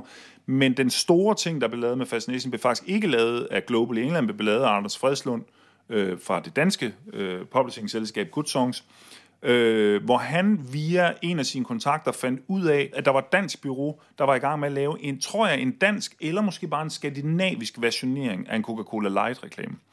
Og øh, Anders han sagde, jeg har, prøv, jeg har den her fantastiske sang, den sender jeg lige til dig. Øh, og det her var som sagt en lokal reklame til Skandinavien. Øh, men de ender så med først at bruge den som maskemusik, altså bare som en test, og så ender de med at sige, prøv at den, der, det fungerer fuldstændig sindssygt, vi vil rigtig gerne bruge den. Og så laver man sådan en deal, og det er jo også der, publisheren har et arbejde, så går forhandlingen ligesom i gang, hvad skal det her koste? Og der er der også forretning i, fordi det her reklamebureau, der sidder og lavet den her reklame, hvis de laver en rigtig god reklame, så begynder den at brede sig fra Skandinavien, som den er lavet til, og ud til resten af verden. Og det er det, der lige pludselig sker med den her. Det er, at den reklame er så god, og den findes jo stadigvæk, ved jeg, på, på, på YouTube, øhm, og, og, og den fungerer så godt, at så begynder den at sprede sig. Fordi sangen fungerer sindssygt godt, og reklamen fungerer sindssygt godt. I Sverige, der kan jeg huske, der var ingen promo, der var, de var slet ikke interesseret i, EMI og at gøre noget som helst ved alfabet. Sådan en sædvanlig svensk attitude i forhold til dansk musik. Men vi endte på hitlisten med Fascination udelukkende på grund af den reklame der. Så der så vi virkelig et eksempel på, hvordan man kunne samle et hit op.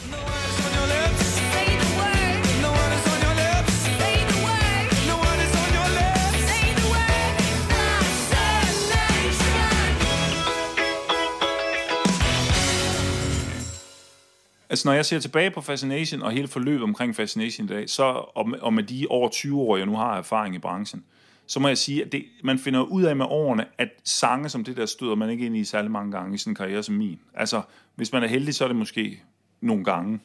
Og det, det var man jo ikke klar over lige, når man står i det og laver det, så er det jo bare en sang, man synes, at kæft, det er en fed sang. Men der er jo ikke nogen tvivl om, der er sådan noget magi i sådan en som Fascination.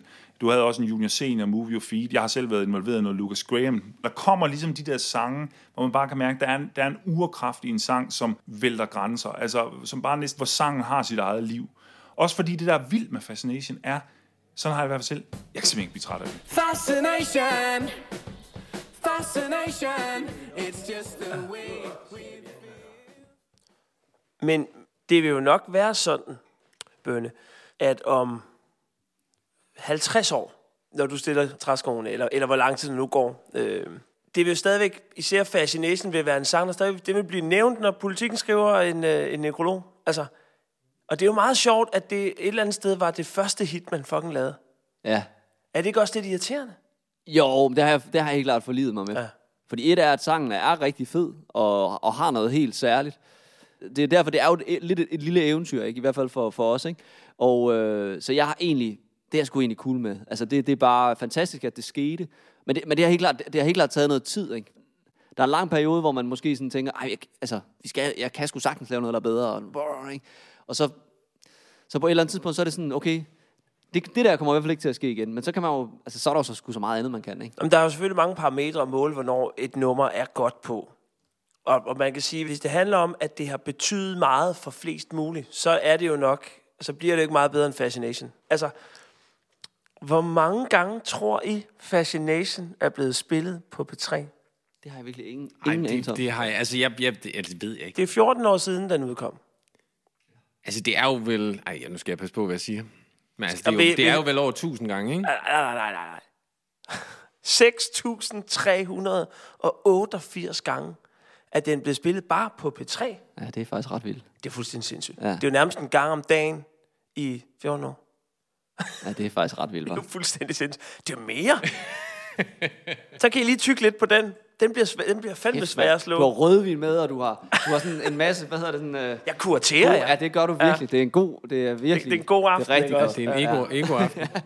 Ja. Er I nogensinde blevet overrasket over, hvor har stødt på nummeret selv? Det, jeg er blevet overrasket over nogle gange, det er det der med, og det sker egentlig stadigvæk, det er det der med, at, øh, at, at der virkelig er mange mennesker, der er connected med sangen. Også, også, også altså, hvor sangen er større end, end, bandet i nogen, altså i nogen sammenhæng, ikke? Det er jo blevet et af de numre, og det er jo også det, den her podcast handler om. Vi tager fat i og dykker ned i numre, som er blevet større end bandet selv. Ja.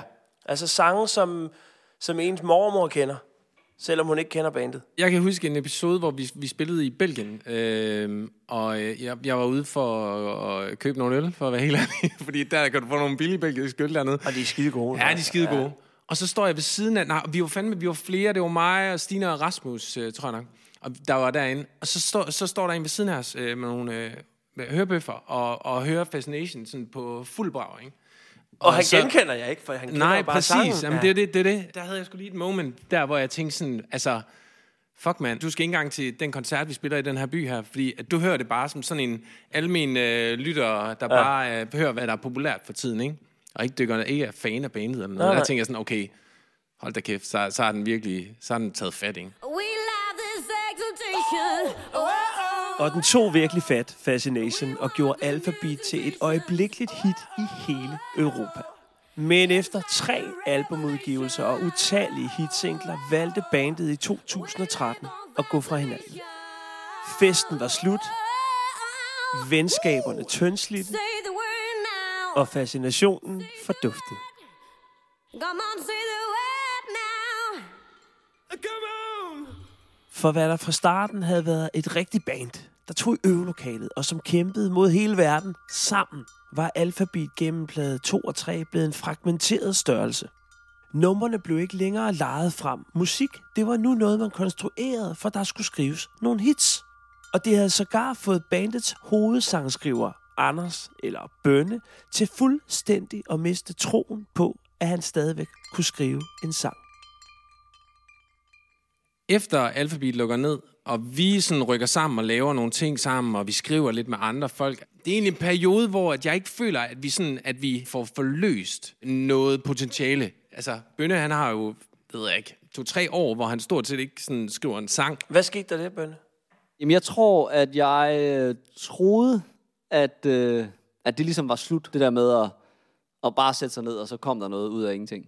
Øh, og det er jo også, altså, den sidste plade, vi laver med Alphabet, der er jo allerede sådan på en eller anden måde glædet lidt ud som sangskriver. Jeg prøver ligesom med at gå ind i sådan en producer-rolle, og sådan en... Øhm, det var på den ene side meget øh, frisættende, det der med at skulle lave noget helt andet. Og problemet er ligesom, det der med, når man først begynder at, at blive for... Øh, altså, det, det er jo enormt svært, det der med, om man er i hovedet, eller om man bare er i sin, sin, sin mave, og man gør, hvad man, ligesom, hvad man føler, ikke? Ja. Fordi det er, jo, det er jo nemt i starten bare at gøre, hvad du føler, for du kan ikke andet. Kunsten er jo på en eller anden måde, efterhånden som du finder ud af mere og mere, hvordan foregår det her, og du bliver dygtigere og dygtigere, jo på papiret bliver du jo dygtigere og dygtigere. Det er jo absurd, ikke? At have et, et fag, hvor, og det er sgu ikke kun for os, altså, hvor det kan, man kan faktisk godt sige, okay, der er mange, der bliver dårligere, når de bliver dygtigere. Altså, forstår du, hvad jeg mener? Alle de sange, vi laver på det tidspunkt, de bliver sådan meget... Alt skal kvantiseres og fuldstændig sådan myrknippes. Ja. Øhm, og det er jo... Det er en staged fest, ikke? Og når jeg ser tilbage på det, så er det jo... Så, så giver det god mening, at det hele eksploderede der. Og at, at det også gjorde, at Bønne han ikke øh, skrev i mange år bagefter, ikke? Bønne, hvornår skriver du så første gang en sang igen, du tænker, den er sgu fed, den her? Jeg tror, det må have været sådan noget 2017. Så siger Jakob der, vores manager, som vi jo egentlig har, har arbejdet sammen med siden day one, men jo tættere faktisk efter, hvad kan man sige, den første del af Alphabet blev opløst, der har vi ligesom, der har vi egentlig haft et tættere samarbejde med Jakob øh, Eske og jeg, og han er også blevet sådan mere vores manager og mentor, og, øhm, og han siger netop det der til mig en dag, det kan simpelthen ikke passe, at du tror, at du ikke kan skrive en sang længere. Og, og så var jeg sådan, okay, jeg tror første gang han sagde det til mig, så sagde han sådan, det, så var jeg bare sådan, det, det kommer ikke til at ske. Og så, men så, du ved, så sagde han det til mig igen og igen, så sagde jeg, så på et tidspunkt tænkte jeg, okay, måske skulle, jeg bare, måske skulle jeg bare prøve det der. Ikke? Det var jo sådan en forløsning, fordi det ligesom at få åbnet op for noget, og finde ud af, okay, men selvfølgelig er det ikke, altså selvfølgelig forsvinder det der ikke. Og så lavede jeg et nummer, som, øhm, som hedder Sometimes, som er så endt med at komme med på vores seneste plade. Shine a light, shine inside. Coming through. Som på en eller anden måde blev starten til, at vi sagde, okay, det kunne være fedt at lave noget alfabet. Det føles som sådan noget, vi skulle lave. Ja. På en ny måde, og slet ikke jo Fascination og sådan noget, men, men alligevel det rigtige. Det var ikke sådan, okay, lad os lave alfabet, og så gik vi i gang. Det var sådan, jeg havde lavet den der sang, SG havde lavet øh, det, der blev til Shadows, og en dag kom jeg ind i vores studie der, og sagde, hvad nu hvis vi siger, at det, det her, det er, at vi har gået sådan og snakket, hvad fanden skal vi gøre med det her, ikke? Og så sådan, hvad, hvorfor, er det ikke, hvorfor er det ikke bare det alfabet? Og havde, havde I snakket med de andre der? Nej. Nej, nej. Nej, nej, og SG, han var sådan først lige sådan, What? Jeg havde ikke set det som en mulighed, at vi skulle, at vi skulle spille sammen igen. Jeg var altid sådan 99,9% chance for, at det ikke kommer til at ske. Så jeg var, altså jeg sad, altså jeg sad virkelig i, i cirka et kvarter og, øhm, og, og kiggede ud i luften og sådan og tænkte, what the fuck? Okay. Men jeg synes faktisk, nu har I jo simpelthen været så søde at sende mig alle mulige ting fra The Secret uh, Vault. Og jeg har fået sendt, og jeg synes, den kan vi lige starte med at høre, fordi jeg har i hvert fald fået at vide, at det her, det var den første idé, som du laver, SG. I hear it coming from miles around. Jeg havde ikke noget setup derhjemme, og jeg sad hjemme i de dage der, så jeg sad bare på min, øh, hvad det hedder, min bærbar, og havde et lille MIDI-keyboard. Og den første dag nede i min stue, en formiddag, der fik jeg bare lige de der akkorder op at køre. Hvor jeg sådan, hey, tænker, hey, det er meget fedt.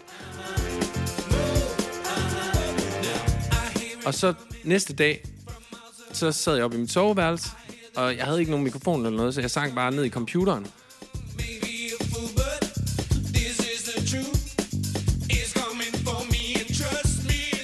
Det var virkelig som om, at det bare sådan... Altså, det lavede sig selv 100%. Altså, det var, det var færdigt på en formiddag. Altså, hele det der vers, øh, brug, omkvæd, find.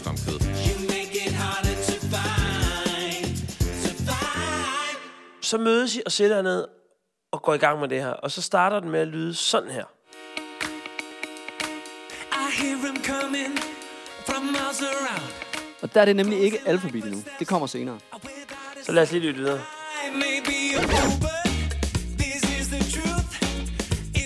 Det er vel egentlig sådan den rigtige Lige version. så at sige det, det der er jo, er jo, der er den der jo.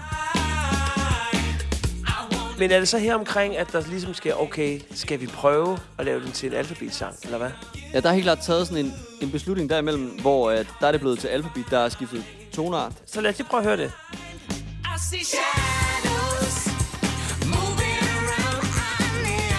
Det der er jo programmeret, men det er tænkt spillet, det hele, ikke? Og så er det sat ned en to, tre, jeg kan ikke huske hvor meget, lidt ned, sådan at, at Stine og SG kan synge sammen. Så der er vi i alfabetland. don't know where to. I got my reasons, and so do you. Og vi vidste alle sammen godt, det lød ikke som det skulle, og det skulle laves rigtigt og alt det der. Men der er sangen, og ikke mindst sådan følelsen. Vi skal lave det der, den der følelse, bare godt. In my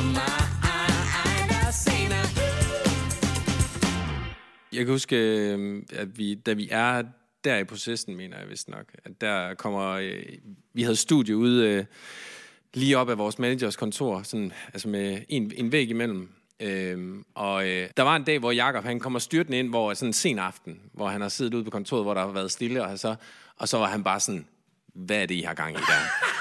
Og så var vi sådan, ja, men det, det er bare et lille, øh, det, det ved vi ikke rigtigt. Øh. Der var sådan, det er også lige meget, I skal bare fortsætte. Ej, hvor fedt. Men da I får øh, Stine ind og synge på den her udgave her, så er det stadigvæk kun jer to og Stine. Ja. I var vel også nervøs for, at det der, okay, har vi den så stadigvæk, når vi skal ind og lave det? Jo, det var den ene ting, er energien, og, og altså, kan vi lave den der magi igen? Der gjorde vi jo det, som vi også har gjort i gamle dage. Vi øvede faktisk rigtig, rigtig meget. For, fortæl mig så lige om første øver. Det var i øh, Gammelry, ikke? I sådan en lade. Med, øh, altså, vi har jo nærmest ikke set hinanden i fem år. Altså, det er jo det, der var sådan crazy, ikke? Men, men da I så mødes første gang, og ligesom skal get, get the band back together, hvad var det første nummer, I så turde spille? Hvad, altså, det, I må vel have startet med en klassiker. Nix. Nej. Det var nemlig nemlig det, vi ikke Nå, gjorde. nej. okay. Nej, der var ikke noget Fedt. med at spille gamle nummer. Fordi det var, det var sådan en beslutning, vi havde taget. Det, Ja. det, det skal vi simpelthen ikke. Vi skal, vi skal fokusere på det nye. Altså, vi skal lave noget nyt. Vi skal, vi skal have en ny ja. ja. energi her. Det skal ikke bare være et eller andet øh, reunion. Vi var sådan meget arbejdsagtige fra starten af. Nu skal vi lave nyt musik, og det skal bare blive så fedt som muligt. Prøv lige, altså jeg har faktisk, øh, det er sjovt, fordi det er de første optagelser, jeg har her, ikke? Det er fandme sjovt, fordi at, jeg tror, jeg har, nu går vi lige helt ud af, Jamen, det er så fedt, det her. Fandme god vin, var. Ja, det må, jeg, der må jeg bare sige, det er jo helt vildt. jeg tror, det er den her.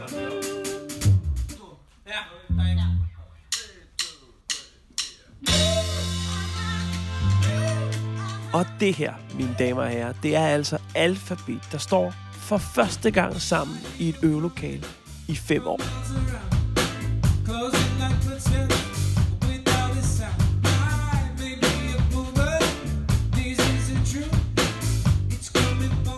Men når I så ser tilbage nu, så må det også irritere, at der ikke i den her musikbranche, hvor der jo sidder folk, der er vant til at arbejde med bands, at de ikke spottede og kunne sige til jer, prøv at høre, det der er jer, det er altså, I fucking står i et øvelokale. Ja. Ja, men det er komplekst, det der.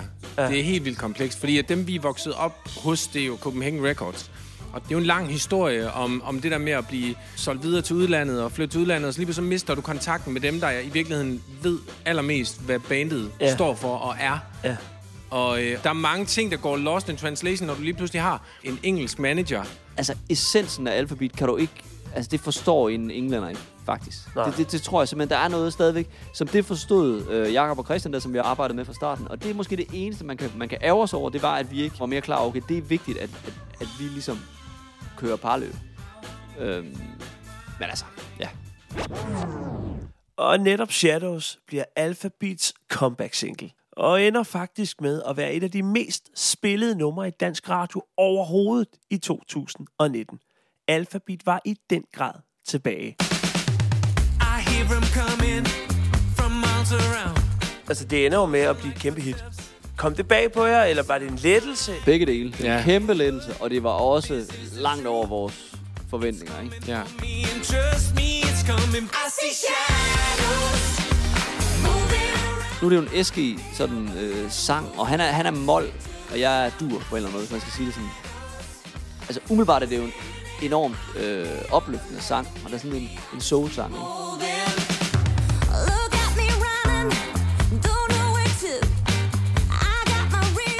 Hvordan var det lige pludselig det der med at høre Stine synge en sang igen? Det var en ret vild oplevelse, og det var også det, som var... Altså, der var et par sange der, som vi startede ud med, hvor vi mødes med Stine i studiet, og, og det er bogstaveligt talt bare med akustisk guitar, og så jeg to, der synger, ikke? Hvor at man var sådan, okay, det er jo sounden, altså. Jeg tror, det første gang, jeg hørte vores band lidt udefra. Det var sådan, okay, det er den jo. Altså, det er jo det, det er.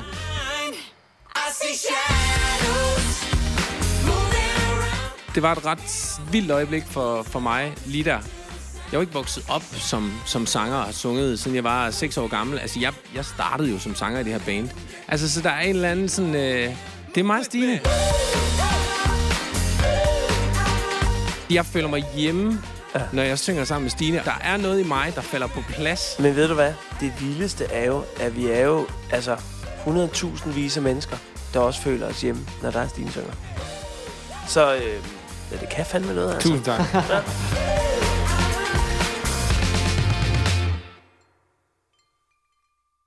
Historien om Alphabet er jo næsten et eventyr. Man har det unge, håbefulde band, der får et kæmpe hit, suser verden rundt, men som mister hinanden og sig selv undervejs. Men så modnes de, finder sammen igen og finder melodien. Og vi har jo hørt historien om, hvordan en tilfældig Coca-Cola-reklame var med til at skabe Alphabet det store gennembrud med Fascination. Og ligesom at øh, Coca-Cola har en hemmelig ingrediens, så har alfabet også et hemmeligt S i ærmet. For hvis man lytter godt efter til Alphabets største hits, så gemmer der sig et helt særligt lydspor i mixet. Et vibe track, som bandet kalder det. Et lille hemmeligt lydspor fyldt med noget, som Alphabet altid har stået for, nemlig fest. Nu har I jo givet mig lov til også at rode lidt rundt i nogle af, af sporene på nogle af de her tracks, I har skrevet. Og det sjove er jo, at der dukker sådan nogle lidt underlige spor op. Og det er jo der, at jeg ligesom tænker, at måske at det er en af de hemmelige ingredienser. Og jeg synes, vi kan lige prøve lige at høre noget, og så kan I jo prøve lige at fortælle, hvad fanden der er gang i her.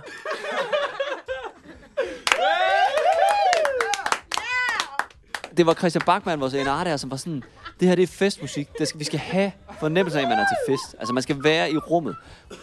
Jamen, så, så var vi sådan, okay, men cool, om det gør vi. Altså, det kan vi da godt. Så det var bare ind i vokalboksen. Alle seks. Alle seks. Og så bare sådan, øh, have det sjovt. der sker et eller andet, på grund af, at vi er så unge, at så, så- ender vi med at have det skide sjovt. Og det er bare sjovt, hvis vi skal lave sådan nogle vibe tracks øh, i, altså nu, det er jo helt anderledes, ikke? Ja. Fordi man er meget mere bevidst. Da I så laver den nye plade, er det noget, I har taget med videre så, det her? Ja, altså, den nye plade, det var egentlig første gang, vi kunne lave vibe tracks, troværdige vibe tracks igen. Ja. Fordi der var vi i sommerhus, og vi, og vi var tilbage til den der Vi var fulde, bande. vi var fulde. Ja, det var latterligt på den gode måde. Jamen det, altså, da, da, da det gik op for, jeg har aldrig hørt om det før. Jeg synes, det er vildt fascinerende. Og, og jeg synes, vi skal lade den slutte der. At det er den, vi giver videre til de unge, håbefulde sangskrivere ud. Lav et fucking vibe track. Og så er der heller ikke mere rødvin. Skål, dreng. Prøv lige lad os lige... Uh... Det var fandme hyggeligt. Så hyggeligt.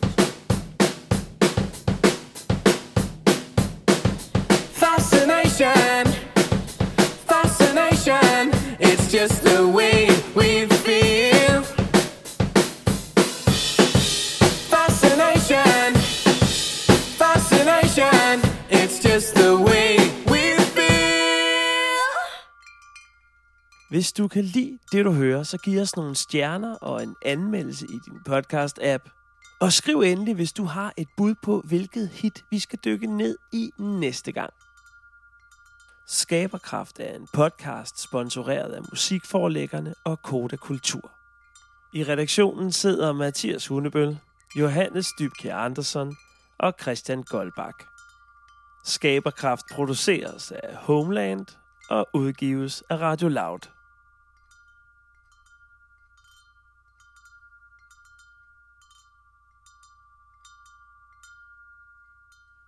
Ja, yeah tak fordi du lyttede med.